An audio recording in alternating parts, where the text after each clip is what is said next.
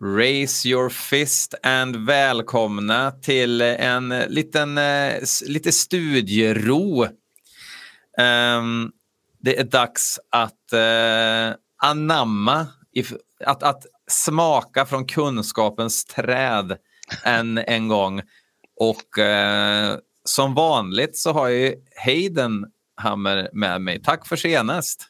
Tack för senast Björn. Det var fantastiskt roligt att ha dig här på besök och vilken jävla helg det var. Det ska gudarna veta. Jag har aldrig druckit så gott kaffe i mitt liv. Var det så pass vilt alltså? det var så pass vilt. nej, nej, men äh, det, det, var ganska städat faktiskt. Vi var ju på Nordfest va, och kollade på lite Venom Incorporated. Ah. Och Candlemass och Nifelheim och sådär. Så att det, det var ingen synd om oss i helgen. Um, vi har ju en gäst också, som vanligt i Coopers klass. Jag tror det... Har, vi ha, eh, har det varit något avsnitt där vi inte haft en gäst? Mm, när vi gjorde Easy Action. Easy Action, ja. Just det är nog fan enda gången tror jag. Nej, men vi säger väl otroligt varmt välkommen till eh, vår ja, celebert besök i form av Mattias Lindeblad. Välkommen! Tusen tack! Det är en ära att få vara med måste jag säga. Jag är ju slavisk lyssnare på eh, i Coopers klass.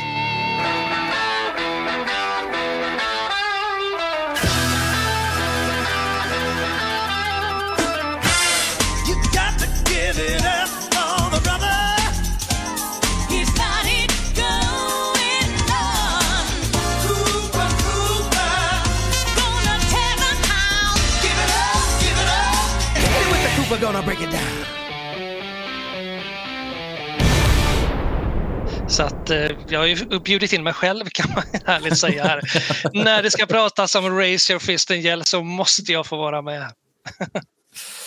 Och eh, det, det, var ju en no-brainer såklart. Givetvis ska du vara med och snacka om Raise Your Fist and Yell. Nu är det verkligen heavy metal Alice Cooper vi ska närma oss här. Mm. Um, är det någon som vet varför Alice Cooper bestämde sig för att gå all out metal? Jag gissar ju på att det är tidens tand. Han vill vara rätt och i synnerhet då när han börjar nosa på det lite där med konstriktor och någonting som, som jag brukar referera till eh, high school hårdrock eller high school metal på något sätt. Det känns som det är gjort för amerikanska kids i high school. Och så börjar han kanske lite försiktigt då göra det väldigt tillrättalagt med konstriktor och sen så känner jag att fasen man kanske skulle tuffa till det lite ändå. Och så är det ju fräsigt det här med skräck, He's back, det var ju roligt, spännande. Och sen så gick han vidare på det spåret helt enkelt. Kane lär ju inte varit svårövertalad gissar jag heller för den delen. Nej, nej, nej, nej. Han skulle nog offra valfri kroppsdel även om han är stolt över sina kroppsdelar över att få vara med på ytterligare en Alice Cooper-skiva. Så det var nog inga problem alltså. Fortunately we have a few things in common, just the priorities are different. I mean, I make no bones about the fact that I hit my microphone when I talk. And uh, I also I uh, I write about sex and violence, and Alice writes about violence and sex. So we ha- we kind of have a common ground. we there. find our we we kind of come together somewhere in the middle there, you know. That's a, a lovely, lovely story. Vad säger du, Hayden? Du har ju eh, läst spaltmeter genom åren också. Ja, nej, jag håller nog helt med uh, i det Mattias säger här. Uh, ja, alltså nej, men det, det väl, eh, passade väl lite grann som hand i handske att det var väl bara att se sig om och se att om man nu ska spela en skräckkaraktär i vilken genre och var får en sådan figur utrymme annat än i hårdrocken som den såg ut i mitten på 80-talet. Och jag menar nog måste det väl ha tänt honom lite grann att det är ju inte bara alltså att eh, Kiss körde hela hans grej under 70-talet och början av 80 men jag menar W.A.S.P vart, alltså, jag menar, vart skulle han annars hitta hem? Mm. mm. Det som är roligt tycker jag är att han blir lite hårdare här istället för att kanske bli ännu lite mjukare eftersom hårbanden började verkligen hitta sin prime. Liksom. Men då tuffar han till sig och skärper till det. Jag tycker det är coolt.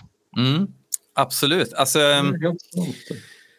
alltså de starkaste ögonblicken på Constrictor då är det ju lite ruffigare, The World Needs Guts och, och de här låtarna som, eh, ja, det kanske eh, tände något i honom också. För det är väl inte alldeles uppenbart att eh, Alice Cooper innan den här skivan eh, var ett stort fan av heavy metal just egentligen.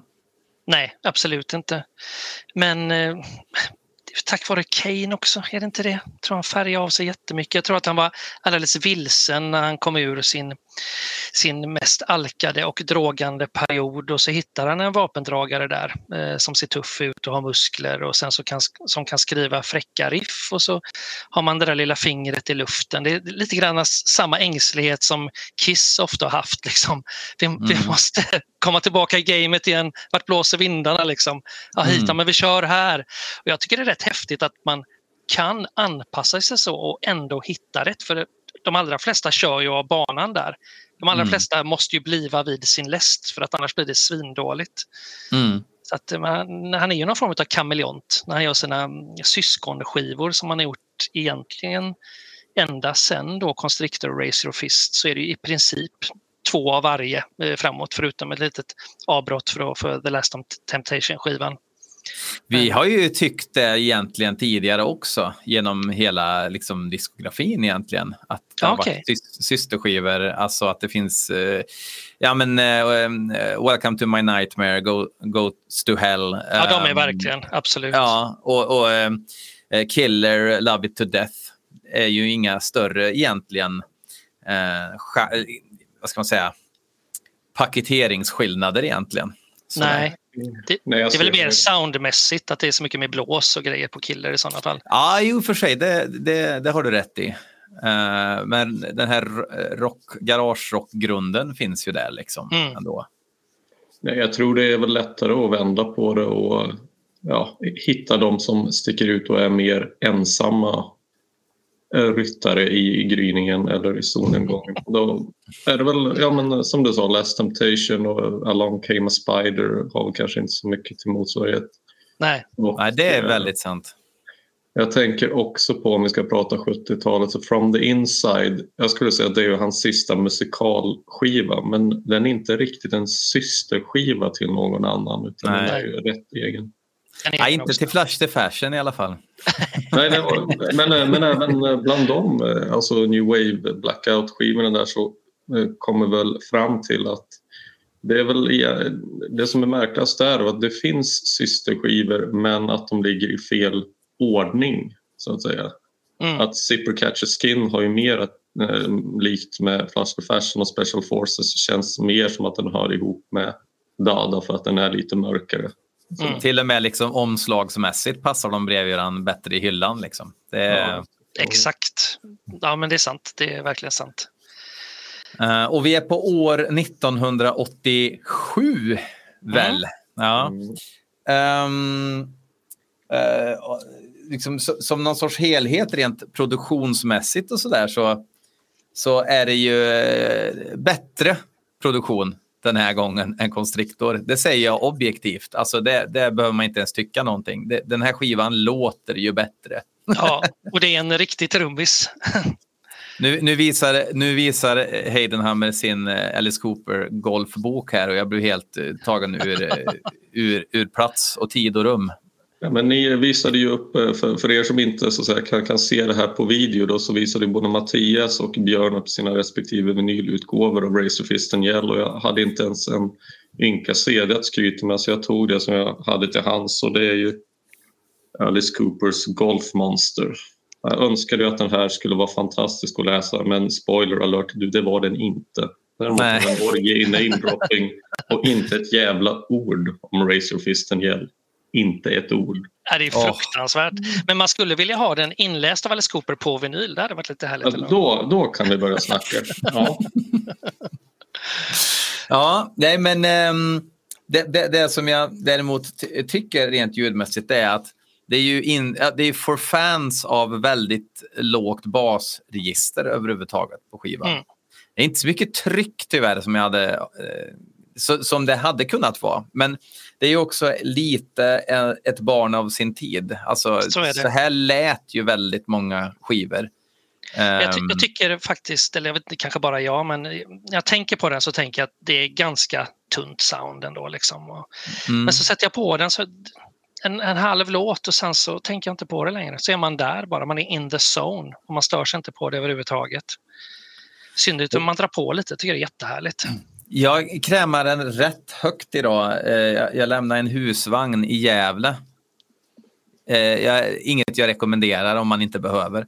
Eh, och, och blästa den rätt högt i regnet liksom och sådär. Ganska mörk atmosfär överhuvudtaget. Och det på något vis drog fram kanske det mörkaste i skivan också. Och den låter ju bra. Det är också för fans av väldigt hög sång.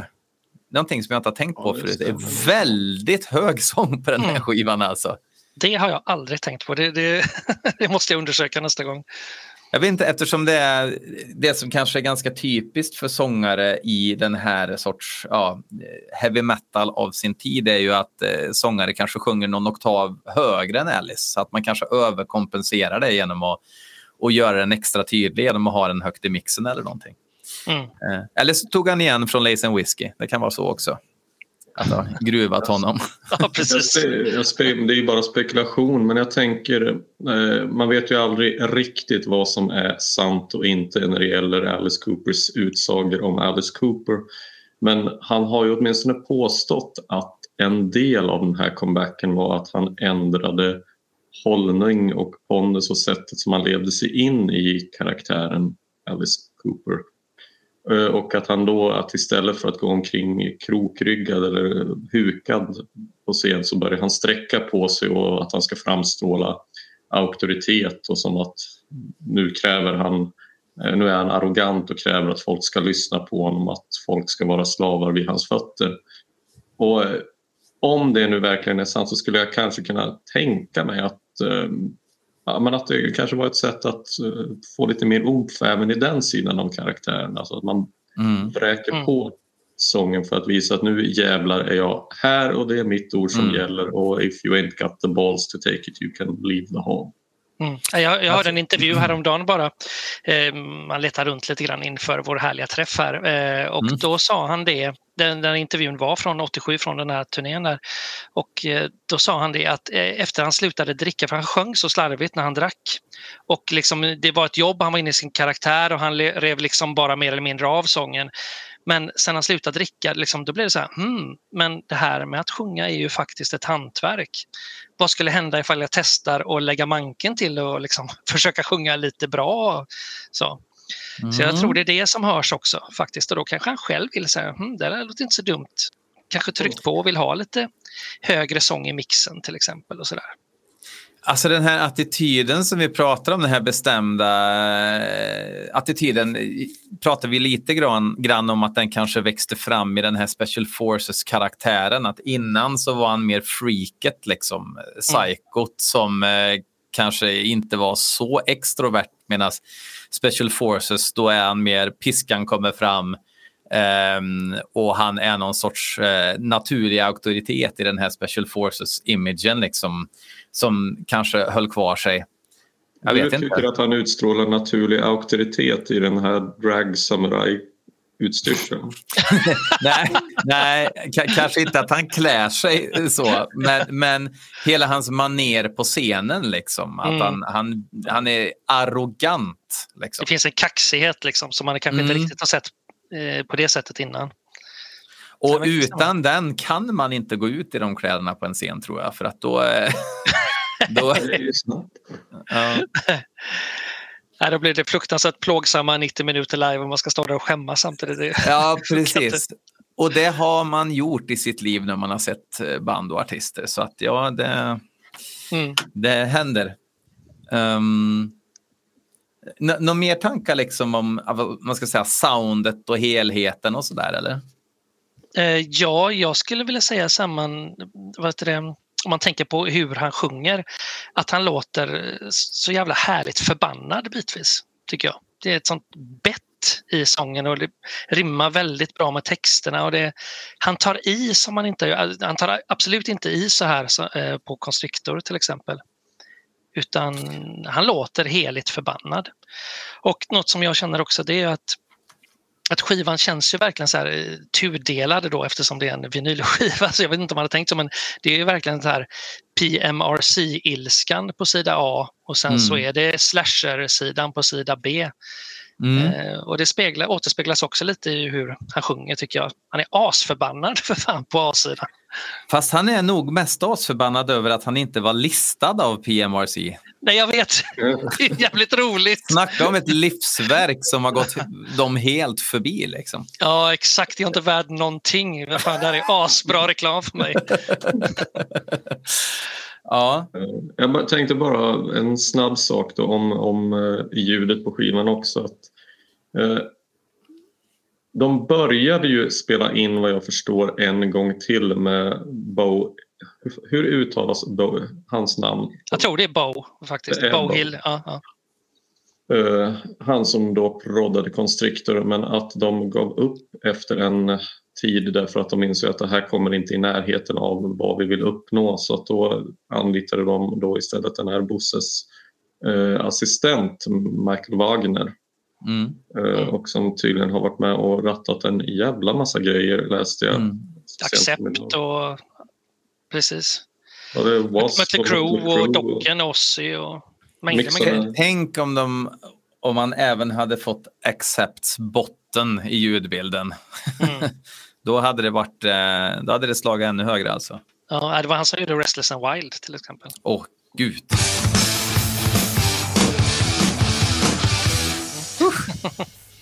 Det var ny info för mig. Men det, alltså, jag, jag, kan ju inte låta bli då att undra om ligger då ljudet på Razorfist Gel närmare så att säga, den originalvision som kanske fanns redan på Constrictor men som aldrig fick blomma ut ordentligt? Ja. Kanske, ja. Nej, jag, jag, tror att han var ganska nöjd med konstriktorljudet. Nu gissar jag ju bara givetvis, men han ville vara lite lättillgänglig. Han ville inte ha något direkt tuggmotstånd han kom tillbaka. Han ville att det skulle funka direkt. Och det är lite snällare och sen så fick han väl lite råg i ryggen så att säga när han hade släppt den och kände att han kunde köra på. Ja, hade vi haft liksom en, eh, en levande trummis på Constrictor så hade det per automatik gett lite mer, kanske lite mer drag i, i den skivan. Men eh, det känns ju inte som att låtarna riktigt är lika på Constrictor som den här heller faktiskt. Förutom vissa då. Mm. World Needs Guts. Men det, ja. Ja, vi ska inte gå händelserna i förväg. Absolut finns... inte. Aldrig. Men nej, men utan att nämna vilken så kan jag säga, det finns ju en låt på den här skivan som faktiskt var den första låten som de skrev ihop, Kane Roberts och Alice Cooper. Aha. Så att eh, ja, det fanns alltså redan från början ett embryo till att låta tungt redan mm. där. Sen kan man bara Ja, mm. Vi ska strax gå vidare. Jag bara en, en sån här what if-tanke som slog mig. Hur tror ni att det hade gått om den här skivan hade kommit före Constrictor? Hade hans comeback då så att säga kommit av sig eller hade den kunnat dra igång redan då? Det här gick väl inte lika bra som Constrictor i USA va? Nej, Eh, jag tror inte att det har gått lika bra faktiskt. Jag tror att Constrictor var perfekt där, just med lättillgängligheten. Jag tror det här var i, allmänhet lite för hårt faktiskt, lite för icke-kommersiellt. Egentligen, om man jämför med vart han gick sen med Trash och så. Det är ju lite lustigt för att det här återigen händelser i förväg men jag bara tänker att eh, Trash och Hey Stupid så var så är ju Hey Stupid lite grann systerskivan och den gick ju sämre än Trash. Så att då är det ju mm. så att säga två skivor, mm. eller två syskonpar eh, efter varandra där uppföljaren inte slår riktigt så hårt som man kanske hade Nej. velat. Och uppföljaren fast, är bättre i båda fallen. fast, fast, fast, skillnaden är då också att Trash hade ju en megahit. Mm. Eh, verkligen mega, mega hit. Ja, den uh, fanns ju inte på Constrictor. Nej, det gjorde den inte. Men i Skandinavien. Ja, ja exakt. uh, åtminstone, eller, eller i Sverige till och med.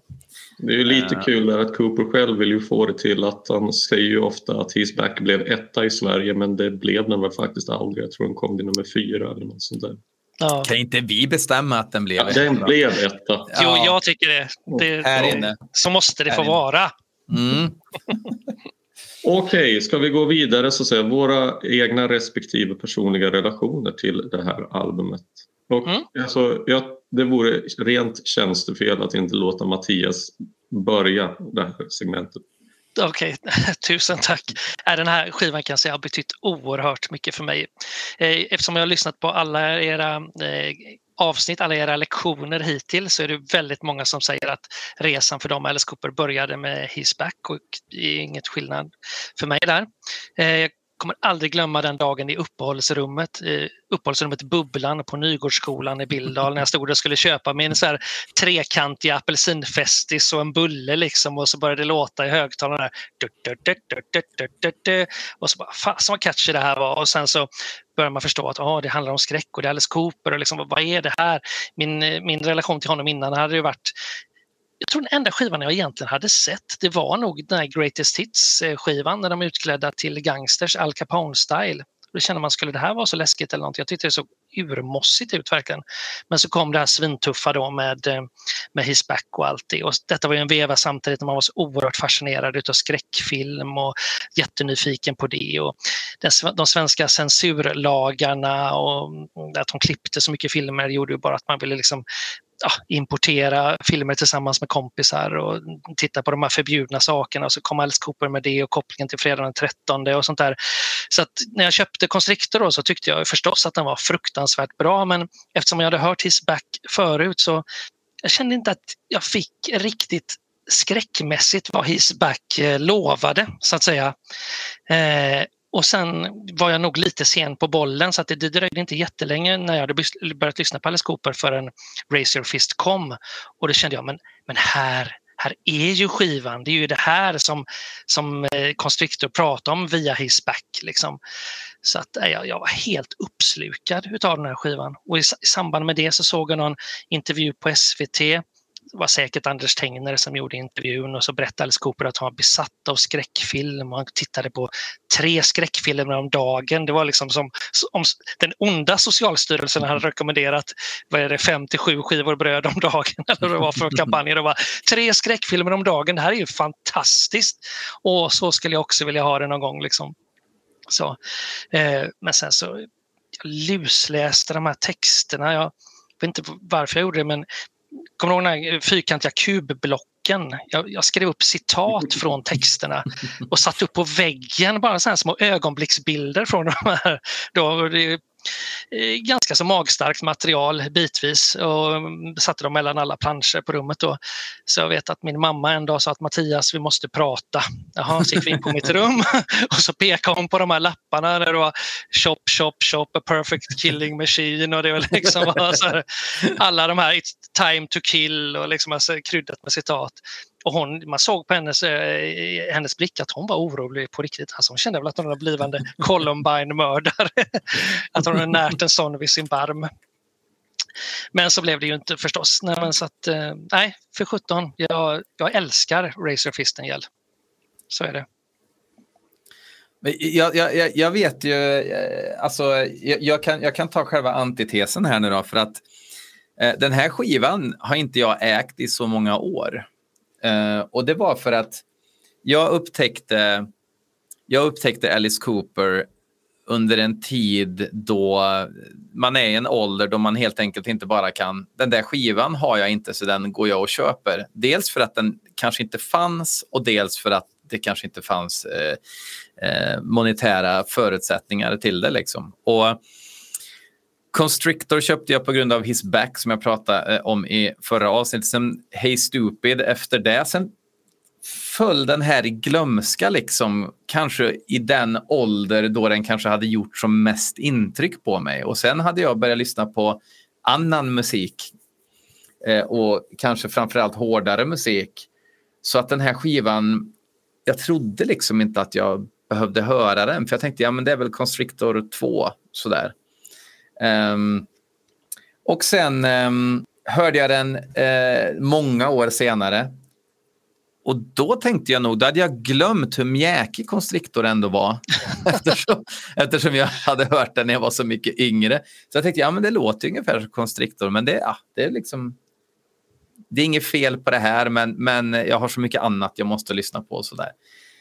Um, Så den här skivan nästan så skulle kalla, kunna kalla det en blind fläck trots att den kom i en era då den, den liksom hade varit perfekt för mig att upptäcka vid ett tillfälle i livet. Liksom.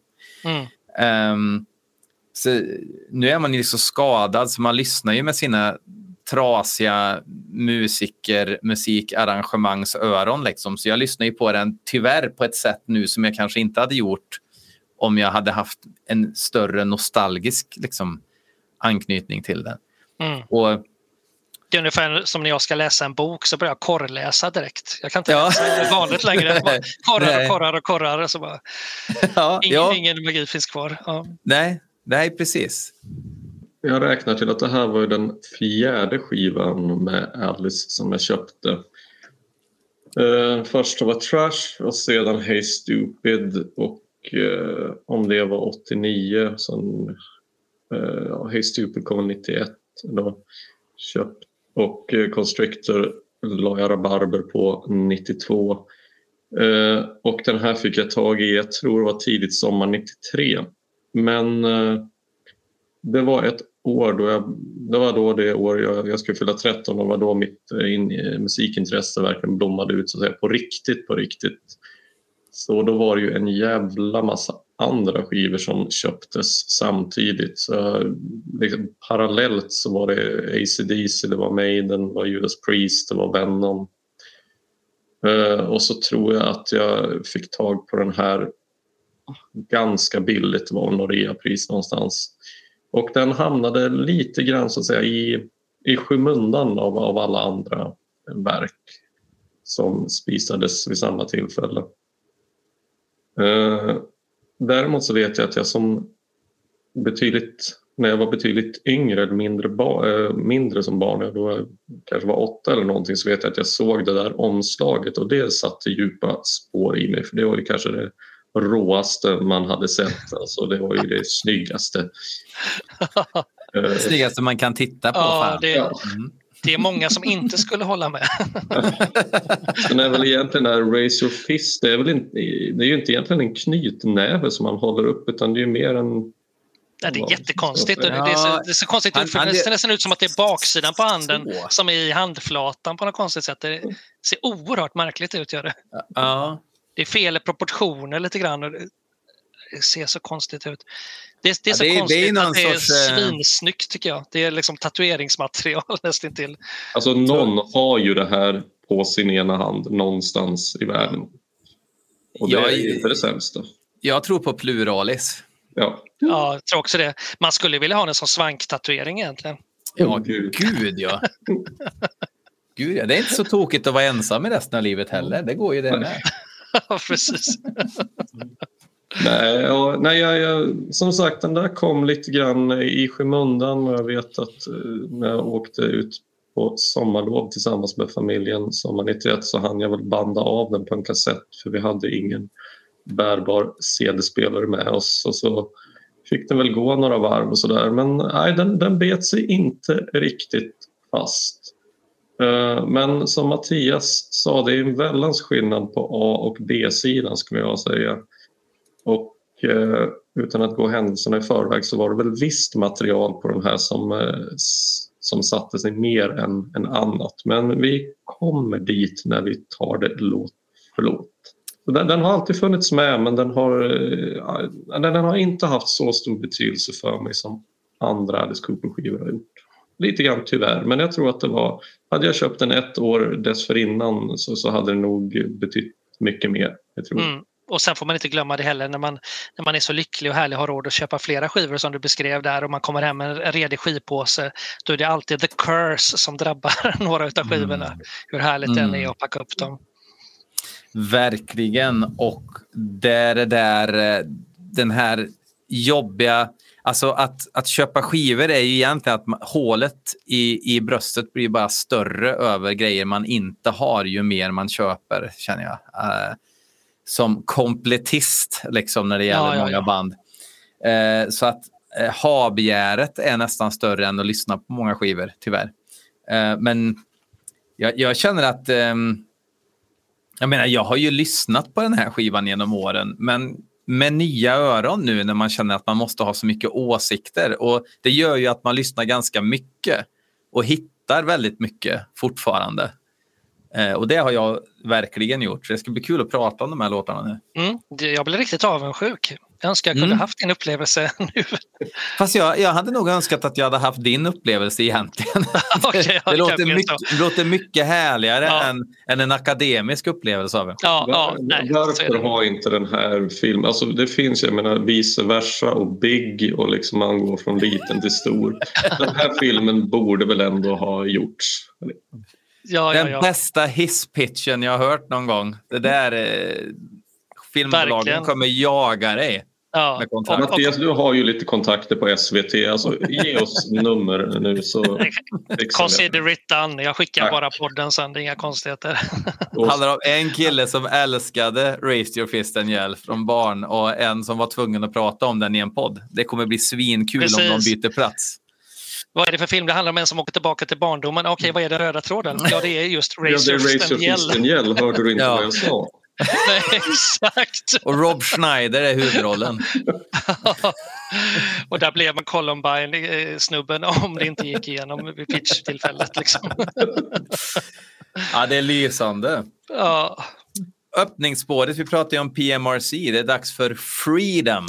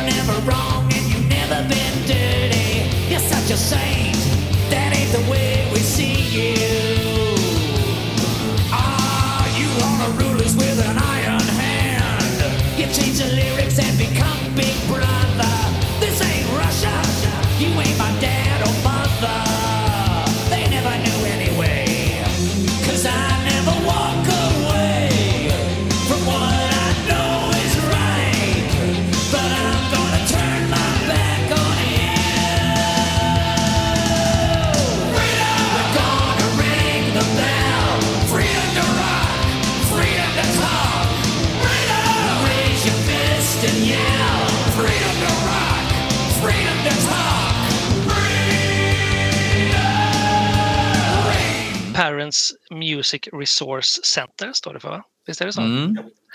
Tipper eh, Gore. Tipper Gore i spetsen, Al Gores fru och hennes eh, Tipper Gore-vänner. PMRC, organized to expose offensive rock themes and lyrics, obtained an agreement with the recording industry a year ago that lyrics would be made available on record jackets or album covers, and that any records with explicit lyrics would carry a warning label. Eh, jag tror inte riktigt man förstår. Man har ju sett när eh, Dee Snider fick sitta inför senaten och liksom prata om eh, hårdrockens väl och att det inte var så farligt och ursäkta sig och förklara allting. Men jag tror det var riktigt jädra hårt där. Eh, mm.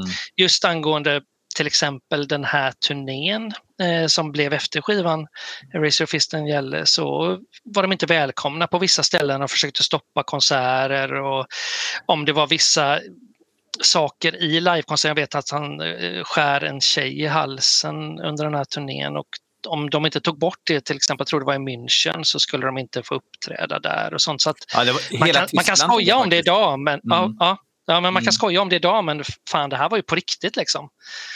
Så, och det, det jag, hör, jag hörde också att det var en politiker i England som, som tyckte att det var för jäkligt och han var även blind, den här politikern. Fy fan vad men, bra! Men han kunde inte ens göra en review av själva gigget själv, och, men han, han var den som drev på hårdast i alla fall. Ja, men jag kan väl fantisera, eller? Ja, det, det här ska ju tydligen faktiskt vara helt sant. Jag har hans namn här också. Är det sant? Ja, Fy fan vad grym du är. Underbart, det är klart att du har Jag trodde jag, trodde jag kom med kuriosa, men det kunde jag ju glömma. Ja. ja. jag ska leta upp det där. Ni fortsätt prata ni så ska jag nog ha det här strax. Jo, men det, jag tror det bara var i, i Tyskland som man faktiskt var tvungen att ta bort valda delar mm. ur showen. Och den var ju den var ju liksom en Alice Cooper-show på steroider, alltså långt mycket blodigare liksom. Och, ja, inte för att gå händelserna i förväg, men han stäbar ju någon med en trasig cykel på scenen också som är kopplat till en sak vi ska prata om sen. And this show is just, I mean, it's just goes beyond anything we've ever done. It's it's really over the top. Really? It's, it's bigger, better and bloodier than anything we've ever done. Ja. Um, så, så, att den, den var ju, han höjde ju anten helt klart. Mm. Och det kanske var kanske också var det som inspirerade till just den här låten då. Att han Ja. visste, han hade planer liksom. Att nu, nu går jag händelserna i förväg tänkte han och så skriver jag en låt om att mota Olle vid grind liksom. Just det, precis. David Blanket, parlamentsledamot från Sheffield. Såg en av konserterna krävde omedelbart att turnén skulle ställas in men ja, han var blind. Ja, Och där, ja. därför blir ordet såg tvivelaktigt. Väldigt... Ja, det kanske blir värre när han bara hör ljuden från scenen också när allt det här händer. Att han tänker att det ser värre ut än vad det är. Men det är väl papier-maché och eh, Vasaloppet, eh, blåbärssoppa liksom på scen ändå. Ja, ja, ja. Jösses, ja. Men det sägs väl att den bästa skräcken är ju den man inte får se utspela sig på, på duken utan den, de fantasier man skapar själv kommer alltid att vara värre än den grövsta torture porn som spelats in. Mm. Exakt. Lex eh, Motorsågsmassakern från 74 Exakt. till exempel. Där det enda blod man får se i en inledningsscenen i princip när, när en kille skär sig i handen. Det är det enda grafiska man får se. Sen så är det bara det man lägger till i sitt eget huvud. Ja, det är häftigt. Men killar, freedom. Vad säger ni? Ja, eh, jag vill bara säga det här om PMRC som jag kommer att tänka på det nu när du pratar om att eh, Alice blir då alltså förmodligen skitsur över att han inte blir svartlistad själv då av organisationen. Och eh, jag, jag har en fäbless för jag tycker innan så här konspirationsteorier blev legio så att säga och en massa i grund och botten någorlunda vettigt folk började tro på konstigheter så var det ju kul med konspirationsteorier. Och man hade ju kunnat vara konspiratorisk och säga att PMRC egentligen var en organisation skapad av skivbolag för att kunna väcka uppmärksamhet och få lite rabalder och sälja fler. Lite grann som att en av de roligaste konspirationsteorierna jag hört om Ukraina-kriget skulle vara att Putin egentligen är en västlig agent som har placerats i Kreml för att starta det här kriget och ena Europa och västvärlden mot ett gemensamt hot. Jag tror inte riktigt att det förhåller sig så men eh, jag, med tanke på de här inledande textraderna om Ryssland i början av låten så kan man säga att konceptet har åtminstone återaktualiserats till viss del. Mm. This ain't Russia. Nej, det är det inte. Nej, Men det är väl en helt okej låt, om man vill säga. absolut. Jag tycker, den är, jag tycker den är ganska pang på. Det är ju solo direkt, liksom Kane visar upp sig. Eh, jag tänker lite nästan, eh, det är lite Steve Vai-feeling på honom nästan där. Att det är ett lekfullt spel han kör med. Eh, jag tänker på, på när Steve Vai spelar på David Lee Roths första mm, eh, soloskiva där, Item and Smile, det fulla albumet, så, så är det lite, nästan lite gitarrhumor i början. Det är väldigt lekfullt. Kane sysslar inte med humor solomässigt här, men det är något som som är, det spritter om honom liksom. Det är ju svajarmsfestival runt hela skivan. Men han gör, han gör ju det... Det är ju inte Kerry King utan det är ju verkligen att han liksom eh, eh, svajar till nya toner och grejer. Alltså han är ju otroligt skicklig. Alltså innan jag verkligen analyserar hans gitarrspel. När jag hörde den här skivan första gången sket jag i vem det var som spelade gitarr. Men jag kommer ihåg att när jag var som mest freak på 70-talsgrejerna så fick jag se live-klipp på VHS med Alice Cooper live med Kane Roberts och jag tyckte ju att han totalt slakta klassiker som Billion Dollar Babies med sin svajarm. Men här kommer den till sin rätt. Mm. Och du har ju i, lite rätt där också. Det, hans spelstil passar ju inte riktigt för de låtarna. Nej, Egentligen. nej jag tycker inte det. Ehm, men Är ehm, ja, nej, men det är ju fantastiskt gitarrspel. Jag, jag, jag tror också att så snart man liksom förstår vad texten handlar om, och det gör man ju ganska snabbt om man har det här med PMRC i bakhuvudet, liksom, så blir ju låten bättre också. För att det är liksom inte ett tomt hot. Den här teorin liksom om att Kiss-fans, eh, att det finns folk som försöker hindra fansen att lyssna på Kiss när inte så många gjorde det var ju en kul grej att måla upp som ett scenario. Men här fanns det ju faktiskt eh, en, en frontlinje mot hårdrock och explicit lyrik. Liksom. Och då, då blir den ju faktiskt lite på riktigt, inte bara en sån här token-frihets-anthem. Um, och då blir den bättre när man förstår det. Mm. Eh, jag tycker, för de spelar in en video till den här och det är ju egentligen, det ser ut som ett genrep från eh, liveshowen och det är det väl förmodligen också. Men hade man inte velat se en spelad teatrad video här egentligen? Hade inte det varit roligt?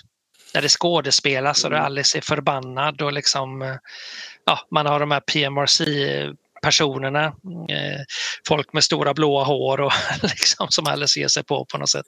Ja, det skulle kunna bli Solstolarna också känner jag i huvudet. Så här. Det, jo, fast det är ju det, det man vill ha. hellre, hellre det än, än, än någon så här genrep som doftar lokal-tv. Liksom. Nej, ja, jag, ja. Håller, jag håller med Mattias, att det är nog lite grann av ett wasted opportunity. Men, men jag tänker på att ett band som gjorde någonting av samma koncept, det var ju Judas Priest med videon till Touch of Evil. Där det är så att säga bilder på de här eh, folk som eldar upp skivor och sådär och för tankarna till Nazityskland och censuriver och Entarte till konst och allt det där. Men eh, jag, jag vill inte vara dryg men jag, jag, jag känner att jag måste Var det? ja. Go ahead, för fan. Nej, så, så här, jag vet inte om det var att uh, själv var man liksom, uh, mer överprivilegierad 12-13-åring och det här med Visst, censuren fanns ju i Sverige men jag kände väl inte att jag kände mig inte som ett riktigt offer även om man var tvungen att se klippta fredag den 13 filmer. Jag menar, det fanns ju Filmnet så man kunde ju se dem där om inget annat. Men jag, jag har nog alltid tyckt att den här låten känns lite så desperat down with the kids. Alltså som att han tar i lite för hårt för att det ska kännas helt genuint. Men det kanske bara är jag. Alltså det, det, det, känns ju självskrivet såklart också. Att det är ju ett effektsökeri eh, som heter duga såklart i det. Men jag menar, det var ganska mycket som stod på spel just då. För jag menar, den här, den här rättegången och det var ju det fria ordet som ifrågasattes för att det fria ordet inte användes på ett ansvarsfullt sätt liksom, och vilka följder det kunde ha fått. Eh, det här gänget försvann ju. Liksom. Eh, mm. Men just då så tror jag att det var eh, många, många musiker som, jag menar John Denver var där och vittnade liksom, och Frank Zappa också för den delen. Um, det var många som kände att det här, det här kan ju få följder på riktigt. Och, men också många som tänkte let's go down in flames. Nu kör vi mer än vad vi någonsin har gjort också. Uh, för att går det åt helvete kan det ju gå åt helvete med musik. Som Bert Karlsson en gång sjöng i Hoppa Hulle. Just det. Nej, men jag ska nog villigt erkänna att när jag hörde den här låten som, som 14-åring, inte 17 visste jag någonting om någon PMRC eller någonting som hade Nej. det att göra. Jag kände bara freedom! Så här, åh vad gött, frihet, det är bra. Och så Ryssland och så hade man sett Rocky 4 och så, liksom, så visste man USA mot Ryssland. Ja, för fan, freedom, det blir jättebra. Det är först i, i de senare tonåren som man liksom la pusslet själv så att säga. Mm. Men som 41-åring att höra eh, någon skrika freedom.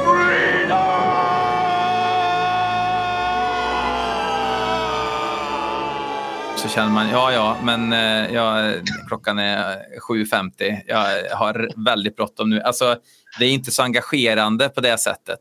Nej, det är eh, fullt.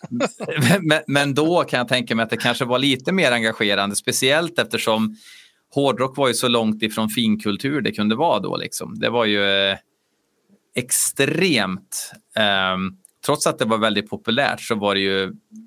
Det var ju bara kidsen som lyssnade på hårdrock i princip. Mm. Eh, och fick försvara sin kulturyttring. Då kunde det vara gött med en sån här låt, kan jag tänka mig. Ja. Eh, men nu är ju liksom farfar med på spelningarna. Så att Ja, alltså, medelåldern var ju inte låg när vi såg Alice i somras. Nej, det var det inte. Jag tänker din... Uh, uh, jag ska säga, det var väl så där, din, din sambos pappa som var med oss, eller hur var det? Ja, precis. Han han- firar 50 år. Han hade sett Uriah Heep eh, 1971 i Turku. Eh, och nu såg han Uriah Heep igen. Eller 20 72. Och nu såg han Uriah Heep igen 50 år senare. Och ändå så sänkte ju han medelåldern med ett par, tre decennier. Ja, det, det gjorde han ju. Det gjorde han ju. Det var mycket muntorrhet i publiken, helt klart. Ja, precis. Många grön, askar grön Läkerol. Det luktar skotte, chokladbiten, Ni överallt. pratar, pratar om Atlas Rock förstår jag. Naturligt. Ja, jag var där också. Ja. Ja. Jaha, okej. Ja, jajamän. Där köpte jag den här fina tröjan som jag visade upp nu. Ja, är det. Ah, För er som inte 450 spänn, det var det ju värt. Ja, lagom. Eller ja, Men, men som ja. sagt, det, det, det, var inga kids där som inte hade råd, så att man får se det så. Ja, precis. Ehm, ja, nej, men okej, men, men eh, då tycker vi väl att det är en, en ganska klämmig låt eh, med ett aktuellt tema för den tiden. Mm. Eh, försöker sammanfatta bara- så allas åsikter kommer med. Bara, bara en sista grej. Att, eh, jag vill bara säga att för att vara en sån uttalat opolitisk artist som Alice Cooper har velat framhäva sig själv så är ju här, får väl säga att den här låten sticker väl ut med att ta bladet så här explicit ifrån munnen. mm. För det har han väl aldrig riktigt gjort vare sig förr eller senare. Nej, senare... Nej. Ja, Nej. li- lite tvetydigt lite senare faktiskt också. Alltså, men det, visst är det ska inte det gå händelserna i förväg. Nej, nej, nej. Men visst om man kan hävda att allting är politik och det privata är politiskt och allt så. Men jag menar att här ger han sig ju liksom explicit på Ja. någon. Alltså han, Det är barrikadpolitik. Ja. Där. Mm, absolut. Men men, vi går vidare då. Eh, samma, egentligen samma te- lite grann på samma tema får man väl ändå kalla det. Lock me up.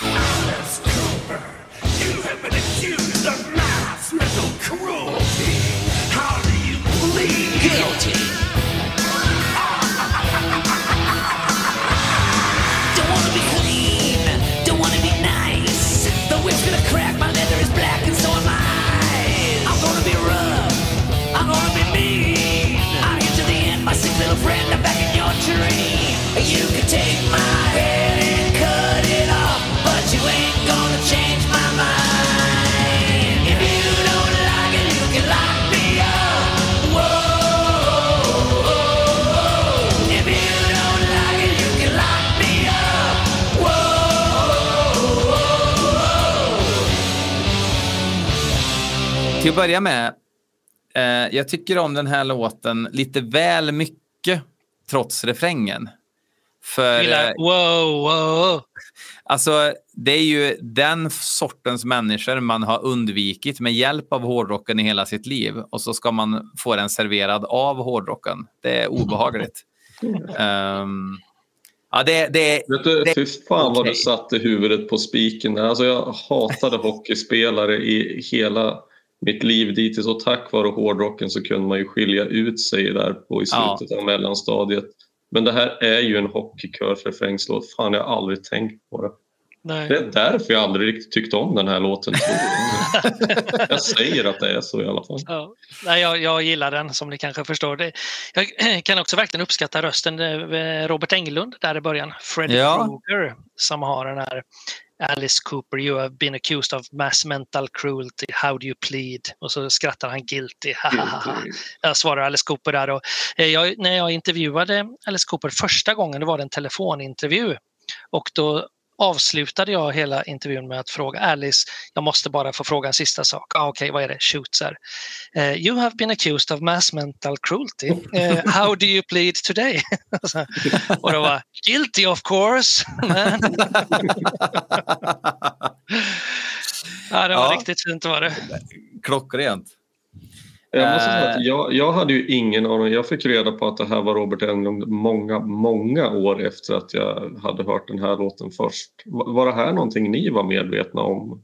För, Mm, inte när jag hörde den första tolv gångerna kanske. Nej. Eh, Då jag det ens inte. på skivan? Undrar Ja, det gör Faktiskt, ja, det gör det kanske. Ja, nej, jag han, han, det är, han är med i en lista av eh, thank yous. Mm. Men man hör ju att det är han.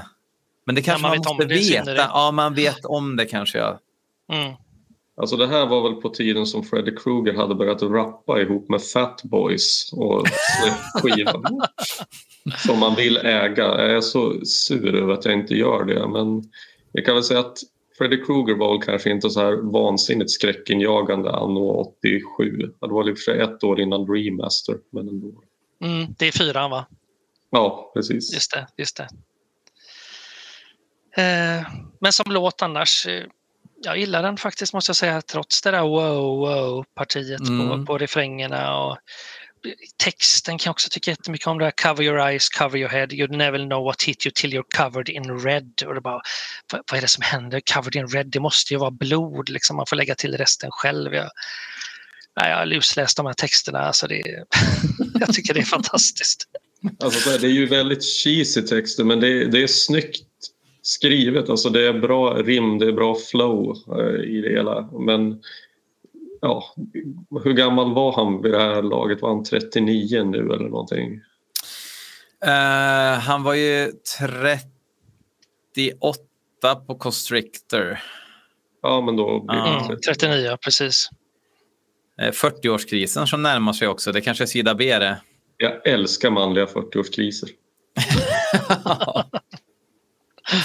Ja, nej, nej men alltså... och- och- det kan bli en annan podd. Hock, hockeykören drar ju ner det här, men jag tycker inte att det här är en eh, superdålig låt. Men det, det som blir problematiskt är liksom att så fort man jämför med klassiska Alice så blir man liksom upp, uppvaknande ur det här. Liksom. Men, men varf, hur kan han göra en hockeykör? Liksom? Alltså, jag måste bara tänka bort allt Alice Cooper har gjort, liksom. lite grann Ja. eh, för att ta till mig till 100 procent vissa av de här grejerna som fortfarande ju kanske påminner lite mer om Constrictor. Men alltså det, låten är ju samtidigt bra på grund av hockeykör. Alltså det, det är ju både låtens styrka och svaghet på samma gång kan jag tycka. För det är ju ett jävla anthem. Och jag menar, ska man få folk att sjunga med, ja, men då får man väl ta i.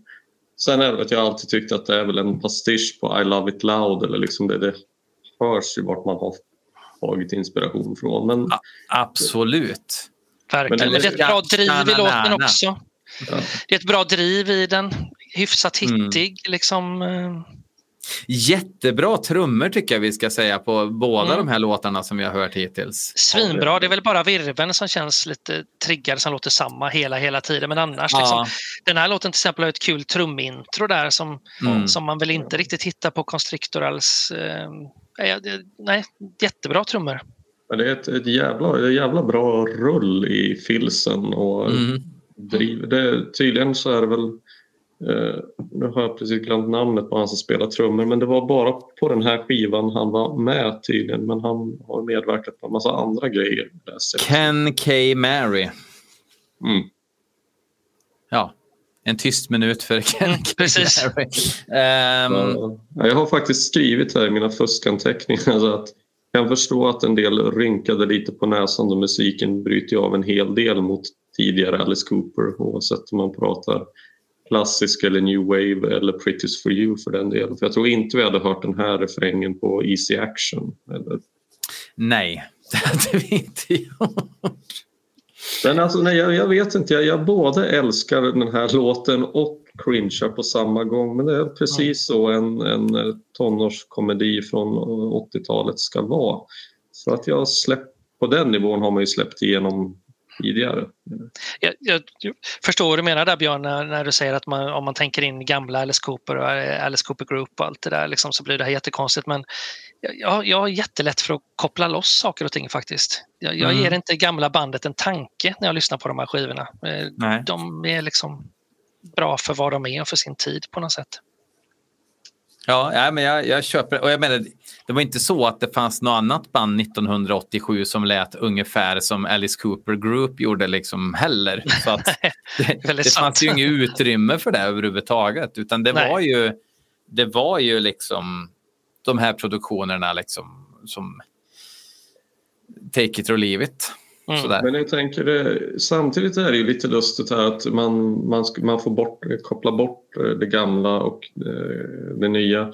Men på den här turnén som de gjorde, The Nightmare Returns, så är det ju bara gamla goingar och några av de här nya som spelas.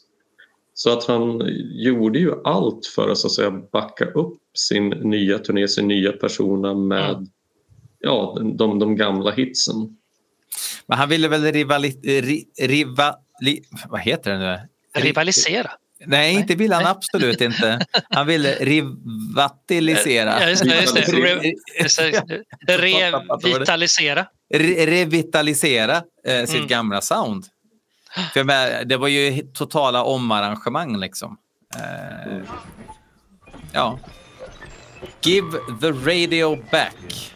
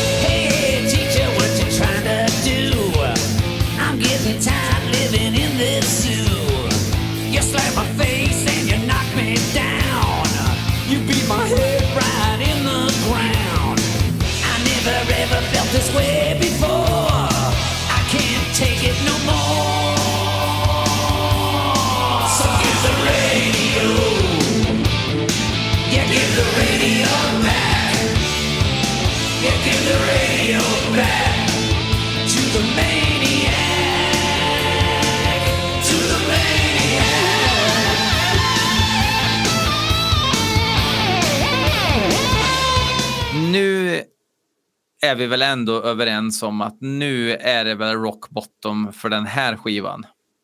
Nej. Ursäkta? nej. Det, det lät som du sa nej. Det ja, jag håller nog med faktiskt där. Jag tycker inte det är rock bottom här heller riktigt. Alltså här återvänder han ju verkligen till Constrictor. Den här skulle ju i princip platsat på Constrictor ja. med ett lite mjukare sound. Eh, så. Eh, när jag fick hört talas om Lordi första gången och detta var ju innan det var Melodifestival och sånt eh, med dem. Eh, så skulle jag göra en intervju med dem när de turnerade med Nightwish. Och när jag satte på Lordi då trodde jag att det skulle vara någon form av black metal var jag inställd på med de här monstermaskerna och det där. Och sen så bara, så min hjärna fattade inte vad det var jag hörde för någonting. Alltså bara, men, men vad, vad, är det för musik? Vad, vad? Och så slog det mig bara, men, men det här är ju lite hårdare konstriktor. Det är ju det det är. Liksom. Ja. Så att jag var helt okej. Okay. Och, och i synnerhet den här låten, det här skulle ju kunna varit en eh, Lordi-låt mer eller mindre. Give the radio back. Mm. Jag är ju ingen expert på Lordi, det kan jag inte påstå. Jag har varit i deras hemstad någon gång, Rovaniemi, där de numera tror jag har ett torg som heter Lordi torg. torg. Vad underbart! Fantastiskt. Um, men, jag tycker men det, här, är ju verkligen liksom, jag tycker det känns så utstuderat. Vi måste ha en låt om att ta tillbaka radion. Alltså, alltså problemet är väl att jag har hört alla andras ta tillbaka radiolåtar låtar innan och, och Alice Coopers kanske jag har reflekterat över sist. Men det här, är, det här är ju fortfarande i och för sig på den tiden då radion överhuvudtaget hade en betydelse i folks liv, vilket inte är fallet nu såklart. Men... På, den, på den tiden folk kunde liksom skynda hem från jobbet för att man var tvungen att hinna till ett radioprogram. Mm. Det händer ja. ju inte ofta nu för tiden. Nej, förutom den här podden, men då, då gör de ju det när de vill såklart.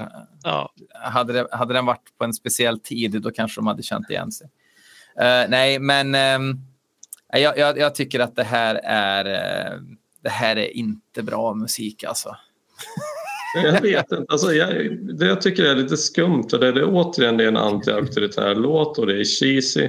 Och musikaliskt kanske det är en tamare låt än de två inledande spåren men jag vet inte, för mig så låter Cooper alltså mer övertygande här därför att jag tycker att det är lite mer pondus, det är lite mer självsäkerhet och faktiskt mindre desperat. Och det, det kanske är en text för kids men det är inte nödvändigtvis musik för barn.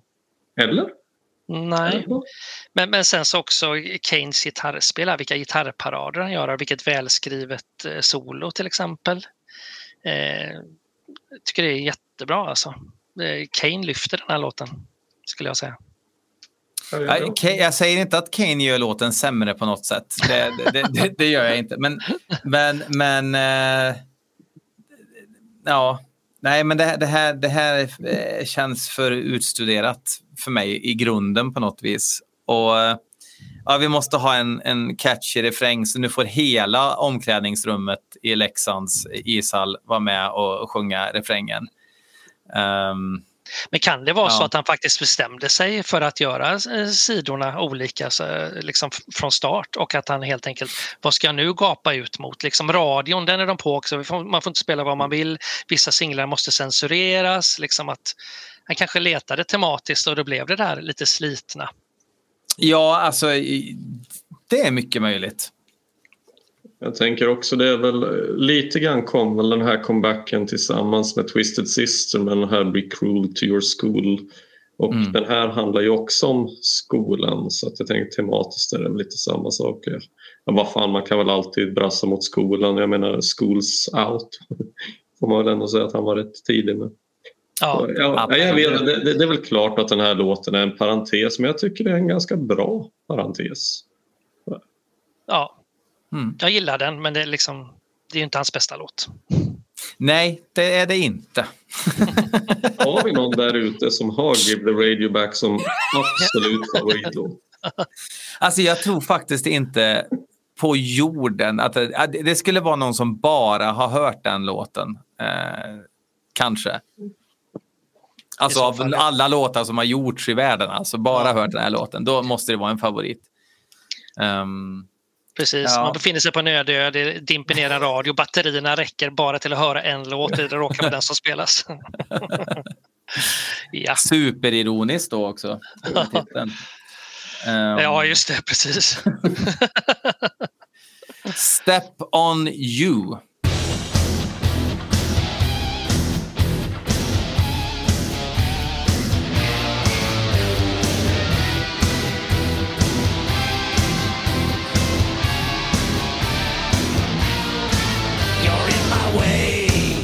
Cross the line. You're in my face, you're on my case, you really waste my time. Like your style, don't like your sound. You talk too much, you got no touch, you drive it in the ground. I'm gonna step on you. I'm gonna step on you.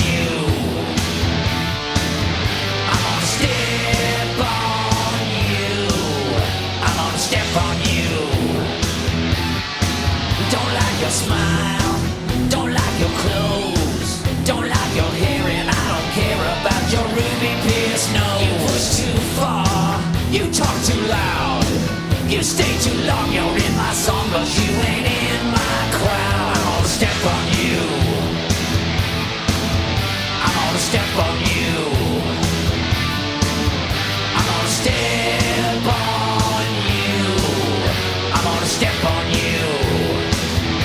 Detta var den låt som skrevs först tillsammans, eh, eller Kane Roberts och Alice Cooper tillsammans. Intressant, för det är också den låten som mest tittar in i framtiden tycker jag. Det här ja. är ju fan industrimetal på den här låten. Ja, alltså den var så ursprungligen tänkt eh, att hamna på den här filmen som vi pratade om lite grann i förra avsnittet. Den som kanske, lite oklart om den skulle heta Magnificent Seven of Rock'n'Roll eller om det fanns något annat arbetsnamn. Men eh, jag tycker att den här musikaliskt också låter som ett litet syskon till Simple Disobedience på Ja, mm. det har jag också tänkt på. Ja, det är underbart ståndet alltså, precis. Mm. Handlingskraftigt och texten är ju så jävla konkret och underbar. I'm gonna sharpen my spikes, I'm gonna strap on my boots, I'm gonna squash you on sight. Mm.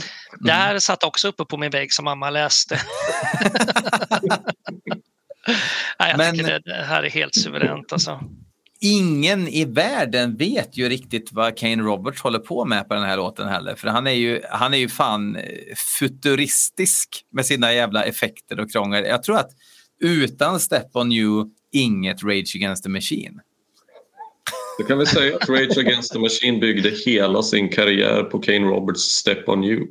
Och politiska temat mot Ja, naturligtvis. Ja.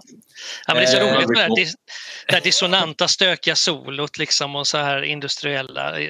Jag tänker nästan pyttelite på Depeche Mode när de höll på som mest med sina slå slägga på tegelsten och en pinne på cykelhjulets ekrar och lite sånt där under några Absolut. sekunder i det.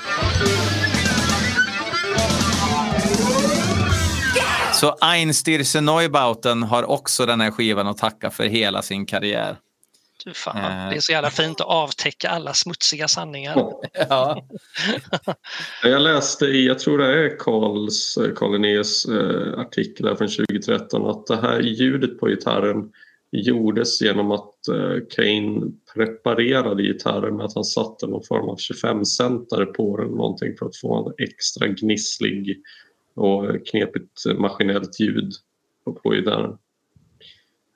Eh, Så att det, det låg ganska mycket experimenterande bakom att få den rikt, alltså den ljudbild som till sist hamnade på skivan. Ja, Den är, den är suverän den här låten. Vad tycker ni? Ja, jag, jag, jag, tycker det här är en riktigt cool låt. Och det roliga är att eh, jag, jag hade...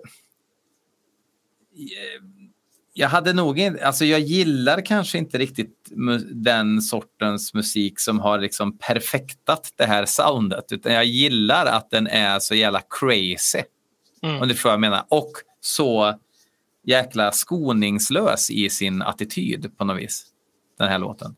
Mm, från sekund ett, när stompet Ja. kommer in. Mm. Precis, Ja, precis. det är så jävla bra. Jag, jag gillade inte den här låten speciellt mycket när jag var yngre. Alltså när jag hade köpt skivan först så tyckte jag att den var rätt störig. Men däremot så är det ju en som har växt mycket mer med åren. jag säga. Och det är en, en intressant kuriositet på den här skivan. Mm. Och man, jag jag kan ju inte heller låta bli att undra lite grann att om de hade samarbetat för en skiva till hade det kunnat bli någon vidareutveckling av det här till ett ännu tyngre och mer stompigare sound? Och om det hade kunnat paras ihop med lite mer framtida skivor som Brutal Planet och Dragon Town så tror jag man hade varit något jävligt coolt på spåren. Mm. Absolut. Och sen också tänker jag, det som jag tycker gör den här låten så, så speciell på den här skivan är att den här är ju inte titta över axeln vad andra håller på med. Utan här gör man ju någonting för sig själv. Ja, Och den aspekten sant. gillar jag. Ja, nu, nu blir jag så här, fan, blir jag så att tänka, för fanns den, var, ja, var det någonting överhuvudtaget som lät så här då? Alltså Nej. slutet av Var det det? 80-talet kom väl Nine Inch Nails och sånt där liksom, men inte så här tidigt. Inte väl? 87 va? Nej. Nu, nu sitter folk och skrattar. Ja, exakt. Eh, jag googlar nu- lite här. Men nu är det vi som pratar. Mm. Exakt. Ja, nej, men det, nej, det känns, eh, känns modernt. Eh, Och sen som man liksom, han är ju uppenbart svinarg i texten till den här, men samtidigt så jävla humor. Liksom. I'm gonna squash you on sight. Som jag när jag var liten alltid trodde var I'm gonna squash you outside. Det det- trodde fan jag exakt det. Ja, Jag vill inte bara säga att han säger det. Alltså, det, Jag tycker ju, det. det står ju fel på skivan. Ja, ja, exakt. Jag såg det alltid typ som i någon form av bar liksom, och så Ja. tittade han på och så, så bara den där grejen, ska, ska du komma ut och slåss eller? Liksom, kom, kom så går vi ut så ska jag squasha dig. Men Det men det är väl... Så om vi, ja, nu blir det svårt kanske att inte gå händelserna lite grann i förväg men tematiskt så känns det som att den här låten har ju mer gemensamt med, skiv, med, med låtarna på B-sidan. Mm. Eh, Mm. Så att jag hade ju kanske gärna sett att den här låten kanske hade fått inleda sida B och sen de här fyra sammanhängande låtarna komma efter den. Det hade gjort det lite mer enhetligt i mina ögon. Men eh, Absolut. Mm. Ja, men Jag, jag, vill bara, jag vill bara lägga in att The Young Gods släppte sin debut 89, så jag tror verkligen att Alice Cooper var först med eh, det här märkliga soundet. Mm. Jag tyckte det första att du sa the young ones. Ja, Det hade ju ja, varit, ja. varit förvånande. som ju inte, ja, fast det är tidigare än 87 va? Det är The tidigt. Young Ones, ja det är 82. Ja. Det är 82 ja. Mm. Ja. Not that kind of love. I like you dirty when your hair is a mess. You sweet. Walking in the room, yeah. You don't have to try so hard to drown me in perfume. Don't cry your heart out. Don't tell your preacher. Don't get ideas. This won't last forever. Just wanna touch you. Just wanna feel you. Just wanna taste you. I never wanted,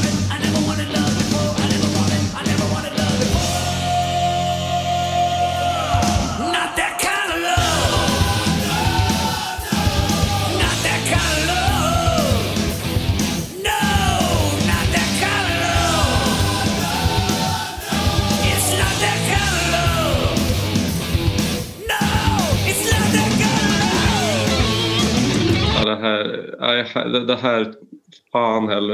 Den här låten tycker jag är genant. Det, det här är den svagaste på skivan tycker jag, den här låten. Eh, Näst svagaste. kan, Men ja. jag, kan gilla, jag, kan, jag kan gilla inledningen, den är lite rolig. Liksom så här, eh, My don't will look yuck, come here.